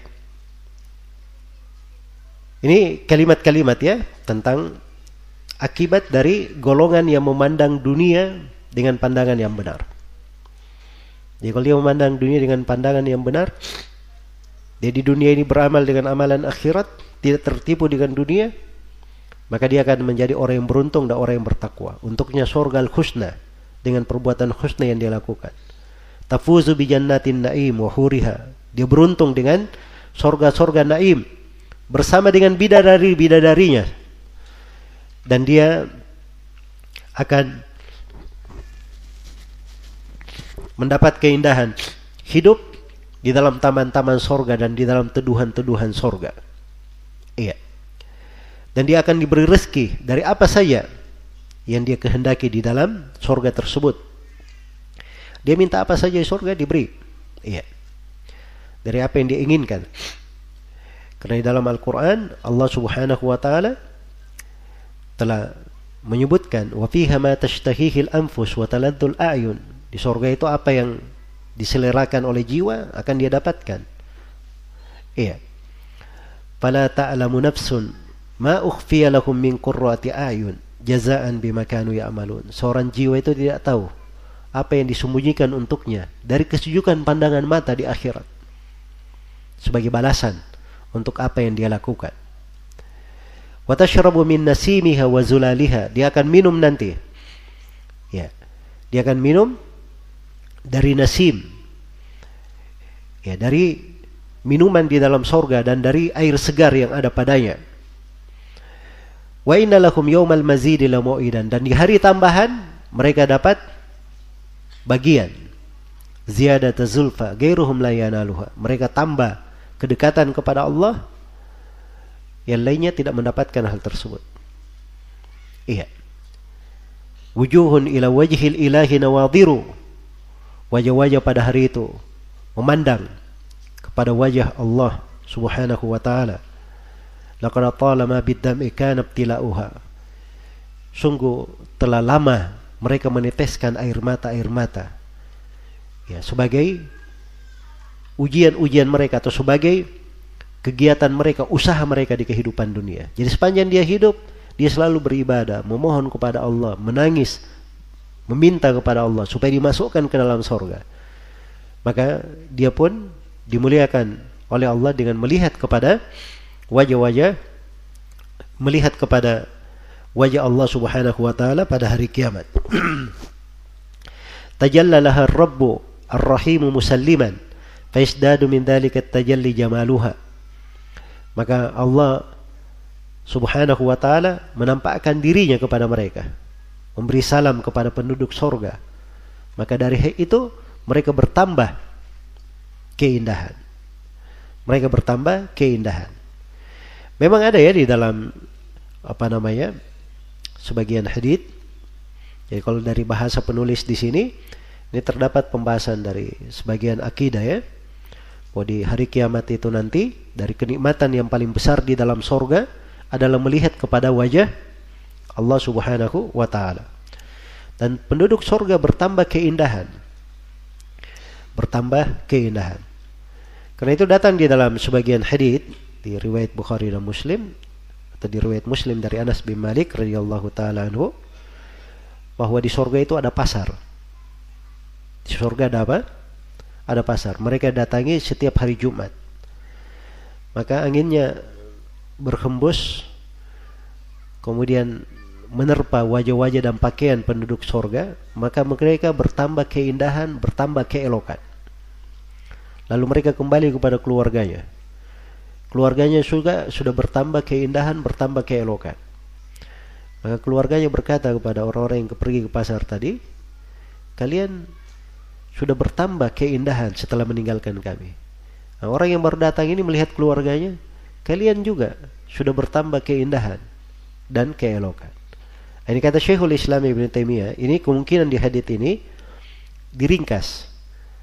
Dan maksudnya bahwa sebab bertambahnya keindahan yang mereka dapatkan itu karena mereka telah melihat Allah telah melihat kepada wajah Allah Subhanahu wa taala. Inilah yang dibahasakan oleh penulis ya.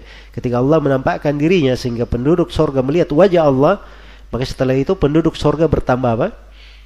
Bertambah keindahan. Bertambah keindahan. Baik. Kemudian kata beliau fawakihuha mimma taladdu ayunuhum wa tattaridul anharu baina khilaliha. Ya buah-buahannya itu dari hal yang menyejukkan mata. Dan sungai-sungainya ya itu mengalir di sela-sela sorga tersebut. Ya, kalau berbicara tentang buah-buahan di sorga, ya luar biasa ya ayat-ayat yang menerangkan bagaimana nikmatnya buah-buahan itu. Dia bisa memetik buah apa saja yang diinginkan dan buah itu berada di dekatnya. Ya seorang kalau memetik buah di dunia, ya dia harus berusaha dulu mengambilnya. Ini kalau pohonnya apa? Pohonnya pendek. Dan pohon-pohon kalau di dunia itu, masya Allah ya, ya beraneka ragam cara memetiknya. Ada yang pakai jolok, ada yang pakai ini. Paling parah itu kalau memetik buah durian. Hah? Baik. Tapi kalau di akhirat tidak. Buah yang mau dipetik itu dia yang mendekat. Kapan dia inginkan mendekat buahnya. Saya dia petik. Dan dia bisa memetik apa saja. Apa saja. Baik. Ini terlihat dari ini pada buah-buahannya. Sungai-sungainya di surga itu ada disebutkan empat sungai di surah Muhammad. Ada sungai dari ma air geru asin yang tidak pernah berubah rasanya. Ada air dari susu yang tidak berubah rasanya. Ada air, ada sungai yang dari khamar. Iya yang sangat lezat bagi orang yang meminumnya. Namanya saja sama ya. Tapi sungai Khamar ini tidak membuat pusing, tidak memabukkan. Dan ada sungai dari madu yang sangat jernih. Jadi bayangkan sungai dari air tidak berubah, sungai dari susu, sungai dari khamar, sungai dari apa? Sungai dari madu. Iya.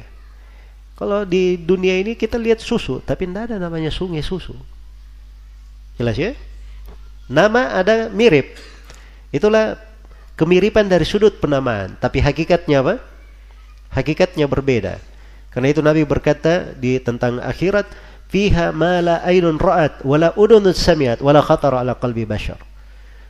Di akhirat itu ada hal yang tidak pernah dilihat oleh mata, tidak pernah didengar oleh telinga dan tidak pernah dilintas terlintas di hati di hati manusia.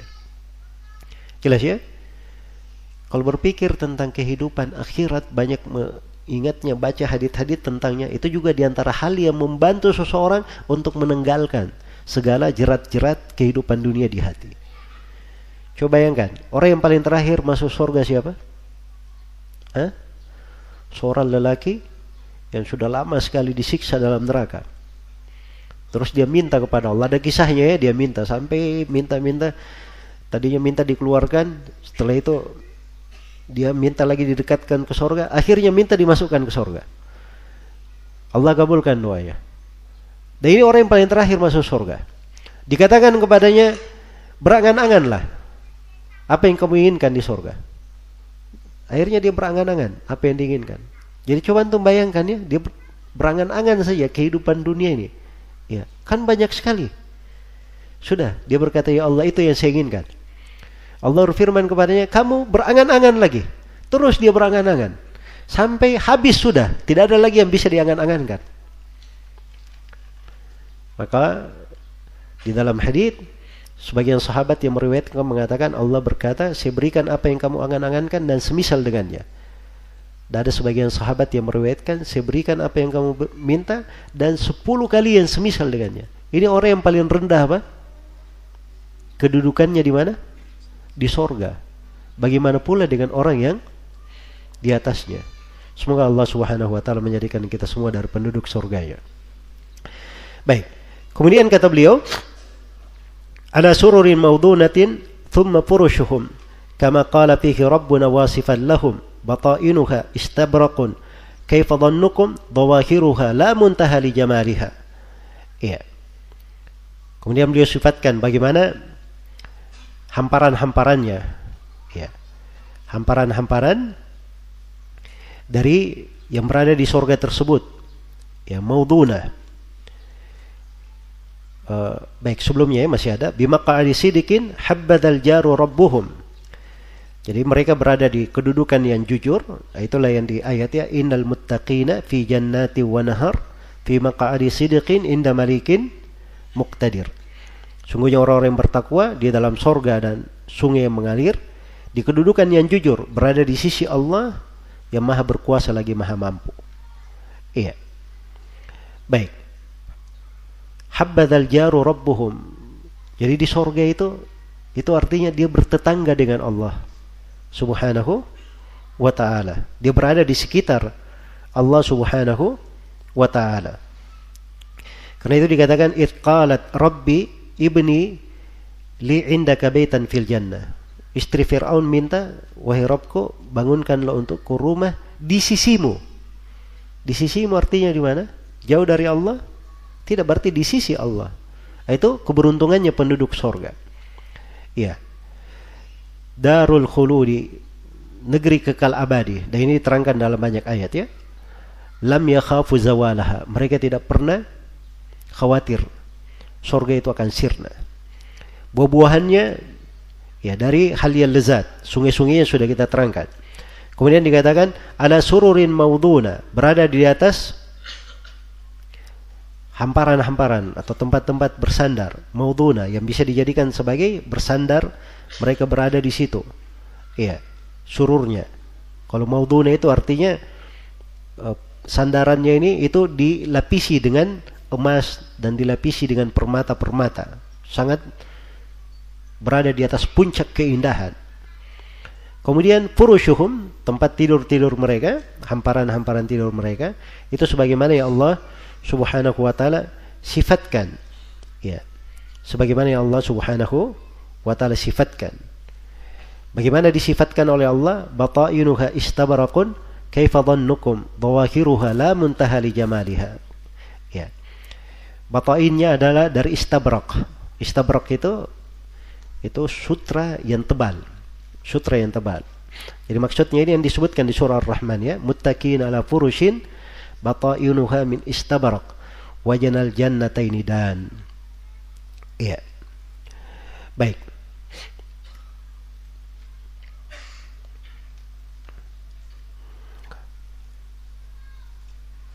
Jadi masya Allah kalau berbicara tentang apa namanya uh, tentang sifat-sifat sorga, ya, berbicara tentang sifat-sifat sorga, ini artinya kita harus masuk ke dalam pembahasan khusus tentang sifat-sifat sorga itu. Dan itu isi dari Al-Quranul Karim, bagian dari isi Al-Quran. Balasan sebagai ahli, untuk ahli tauhid dan ditulis khusus oleh para ulama rahimahumullahu taala buku-buku di atas hal tentang hal tersebut. Dan ini pembahasan yang sangat indah. Karena itu para ulama itu ya selalu mengajarkan membacakan buku-buku dari masa dahulu ya kalau bacaan orang-orang dahulu itu bacanya at-targhib wa tarhib karya al-mundiri iya ada anjuran untuk mengingat sorga bermotivasi-motivasi untuk meraih sorga dan ada peringatan dari bahaya neraka dan memperingatkan hal-hal yang bisa memasukkannya ke dalam neraka. Nah, ini buku At-Targhib wa Tarhib karya siapa? Al-Mundiri. Ini dulu dibacakan di majelis-majelis umum. Ya, kalau dahulu ini dibacaannya orang-orang awam. Jelas ya? Kajian-kajian untuk masyarakat umum. Kalau sekarang kan beda ya. Kualitasnya lebih rendah sekarang ini. Jelas ya? Ini buku At-Targhib wa karya Al-Mundiri di masa dahulu. Nah, penulis di sini memberikan kalimat-kalimat untuk memudahkan seorang itu meninggalkan dunia dengan cara mengingat akhirat. Diingatkan bagaimana keindahan surga itu. Di antara keindahannya ada batainnya dari istabrak. Ya, batain ini apa namanya? permadani-permadani. Ya. Permadani, permadani yang terlihat dari apa namanya? Uh, dari sebelah dalamnya. Dari sebelah dalamnya. Jadi batain itu permadani tapi yang terlihat dari sebelah dalamnya. Nah, itu dari istabrak. Istabrak itu apa? Sutra yang tebal. Jadi dalamnya saja seperti itu. Kira-kira di luarnya bagaimana? Ya. Biasanya kita kalau ada apa namanya? Ada selimut, eh? kalau dalamnya halus, di luarnya kira-kira bagaimana? Selimut kan biasanya luarnya lebih mentereng daripada apa? Daripada dalamnya. Nah, ini diberi bahas oleh penulis. Kira-kira luarnya itu bagaimana? Tidak ada ujung dia dari keindahannya. Ya, selesai penggambaran tentang bagaimana orang yang memandang dunia dengan benar dan bagaimana surga yang akan dia dapatkan. Sebaliknya, kata beliau, wa in takunil ukhra fawailun wa hasratun. Kalau selainnya orang yang di golongan yang kedua, maka kecelakaan dan kerugian. Ya, kecelakaan dan kerugian. Wa naru jahimin ma ashadda nakalaha. Dan neraka jahanam betapa dahsyat dari siksaan yang berada di dalamnya. Lahum tahtahum minha mahadun wa fawqahum gawashin wa min yahmumin sa'adilaluha. Mereka di dalam surga itu, apa mereka di dalam neraka itu, di bawahnya ada neraka yang menyala-nyala. Di atasnya ada lapisan-lapisan dari neraka. Dan dari yahmum mereka sangat buruk sekali diteduhi dengan yahmum tersebut. Iya. Ini semuanya pembahasan ya tentang neraka. Nasallallahu lana wa lakum afiyah. Yahmum itu itu asap yang sangat hitam sekali dalam di dalam neraka yang disifatkan di di ayat fi samumin wa apa namanya wadillim mi yahmum la baridin wala karim. Mereka dapat teduhan dari yahmum, asap yang sangat hitam, tidak ada dinginnya dan tidak ada kemuliaan, tidak ada kenikmatan sama sekali dalamnya.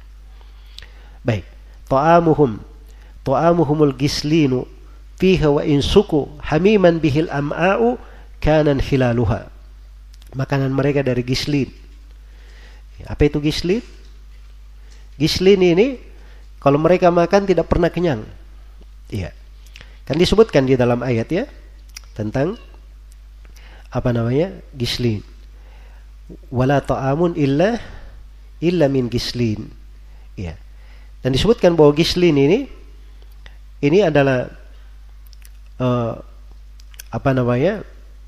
nanah penduduk neraka yang keluar dari luka-luka mereka dan dari hal-hal yang apa namanya? Uh, mencederai mereka. Wa in suku hamiman kalau mereka diberi minum, maka diberi minum dari air yang sangat mendidih. Ya, yang membuat terpisah dari pencernaannya itu di dalam perutnya. Itu seperti ayat ya yang dikatakan wasuku ma'an hamiman faqatta am'a'ahum. Mereka diberi dari air yang sangat mendidih sehingga menghancurkan dari dalam perut mereka. Nasallallahu alafiyah. Amaniyuhum fiha al-halaku wa ma lahum khurujun wala mautun kama la fana lahu. Kama la fana laha. Apa angan-angan penduduk neraka? Angan-angan mereka supaya mereka cepat mati. Padahal dalam neraka mereka tidak hidup dan tidak apa? Tidak mati pula. Iya. Angan-angannya ingin mati. Dan mereka di dalam neraka tidak bisa keluar dan tidak pula bisa mati. Sebagaimana mereka tidak akan sirna di dalamnya. Yang masuk ke dalam neraka penghuni neraka yang kekal maka dia akan selama-lamanya tidak ada, tidak akan sirna di dalamnya nasallallahu alafiyah muhallaina iya baik kemudian kata beliau mahallaini kullin nafsi laysa siwahuma nah sekarang beliau tutup dengan dua bait syair mengingatkan dua tempat. Ingat, ada sorga, ada apa? Ada neraka. Hanya ada dua tempat. Kullin nafsi, katakan kepada jiwa, laisa siwahuma. Tidak ada tempat kecuali dua ini saja. Wahai jiwaku, ingat, hanya ada dua tempat. Litaksab au faltaktasub. Litaksab au faltaskut ma badalaha. Ya, hendaknya dia bekerja dengan baik atau dia diam saja sepanjang masih bisa untuk dia. Fatuba li nafsin jawazat wa takhaffafat fatanju kifafan la 'alaiha wa la laha. Maka beruntunglah untuk jiwa yang dia berjalan dengan cepat, diringankan sehingga dia selamat kafafan. Kafaf itu artinya dia selamat, tidak ada bebannya. Iya. Tidak ada bebannya. La 'alaiha wa la laha. Tidak ada hal yang membahayakan dia dan tidak ada pula hal yang terkait dengannya. Baik. Jadi itu yang disebut dengan kafafat. Jadi perkara yang dengannya sekadar yang apa namanya dia kerjakan. Ya. Dan ini akhir dari mantuma yang disebut oleh Hafidh Al-Hakami rahimahullahu taala dan sudah tergambar untuk kita banyak pembahasan terkait dengan apa? hakikat dari kehidupan dunia. Yang kalau disimpulkan, saya berikan dari kesimpulan bahwa beliau mengingatkan dari awal tentang bagaimana seorang muslim itu jangan memiliki kecondongan kepada kehidupan dunia. Kemudian yang kedua dia ketahui hakikat dari dunia itu apa. Dan bagaimana hakikat pada dunia itu kesedihannya sebenarnya Kegembiraannya sebenarnya kesedihan, kemudahannya adalah kesusahan dan seterusnya. Kemudian yang ketiga, beliau berikan kaidah dari ayat-ayat Al-Quran yang menegaskan tentang bagaimana hakikat dunia di sisi Allah. Dan itu penting sekali untuk diingat. Kemudian yang keempat, dibagi golongan manusia terkait dengan pandangan mereka memandang kehidupan dunia. Dan yang terakhir beliau ingatkan tentang akibat dari memandang kehidupan dunia juga. Ya, ada yang menjadi penduduk surga dan ada yang menjadi penduduk apa? Penduduk neraka. Mudah-mudahan apa yang kita dengarkan di kajian hari ini bermanfaat untuk semuanya. Wallahu taala alam.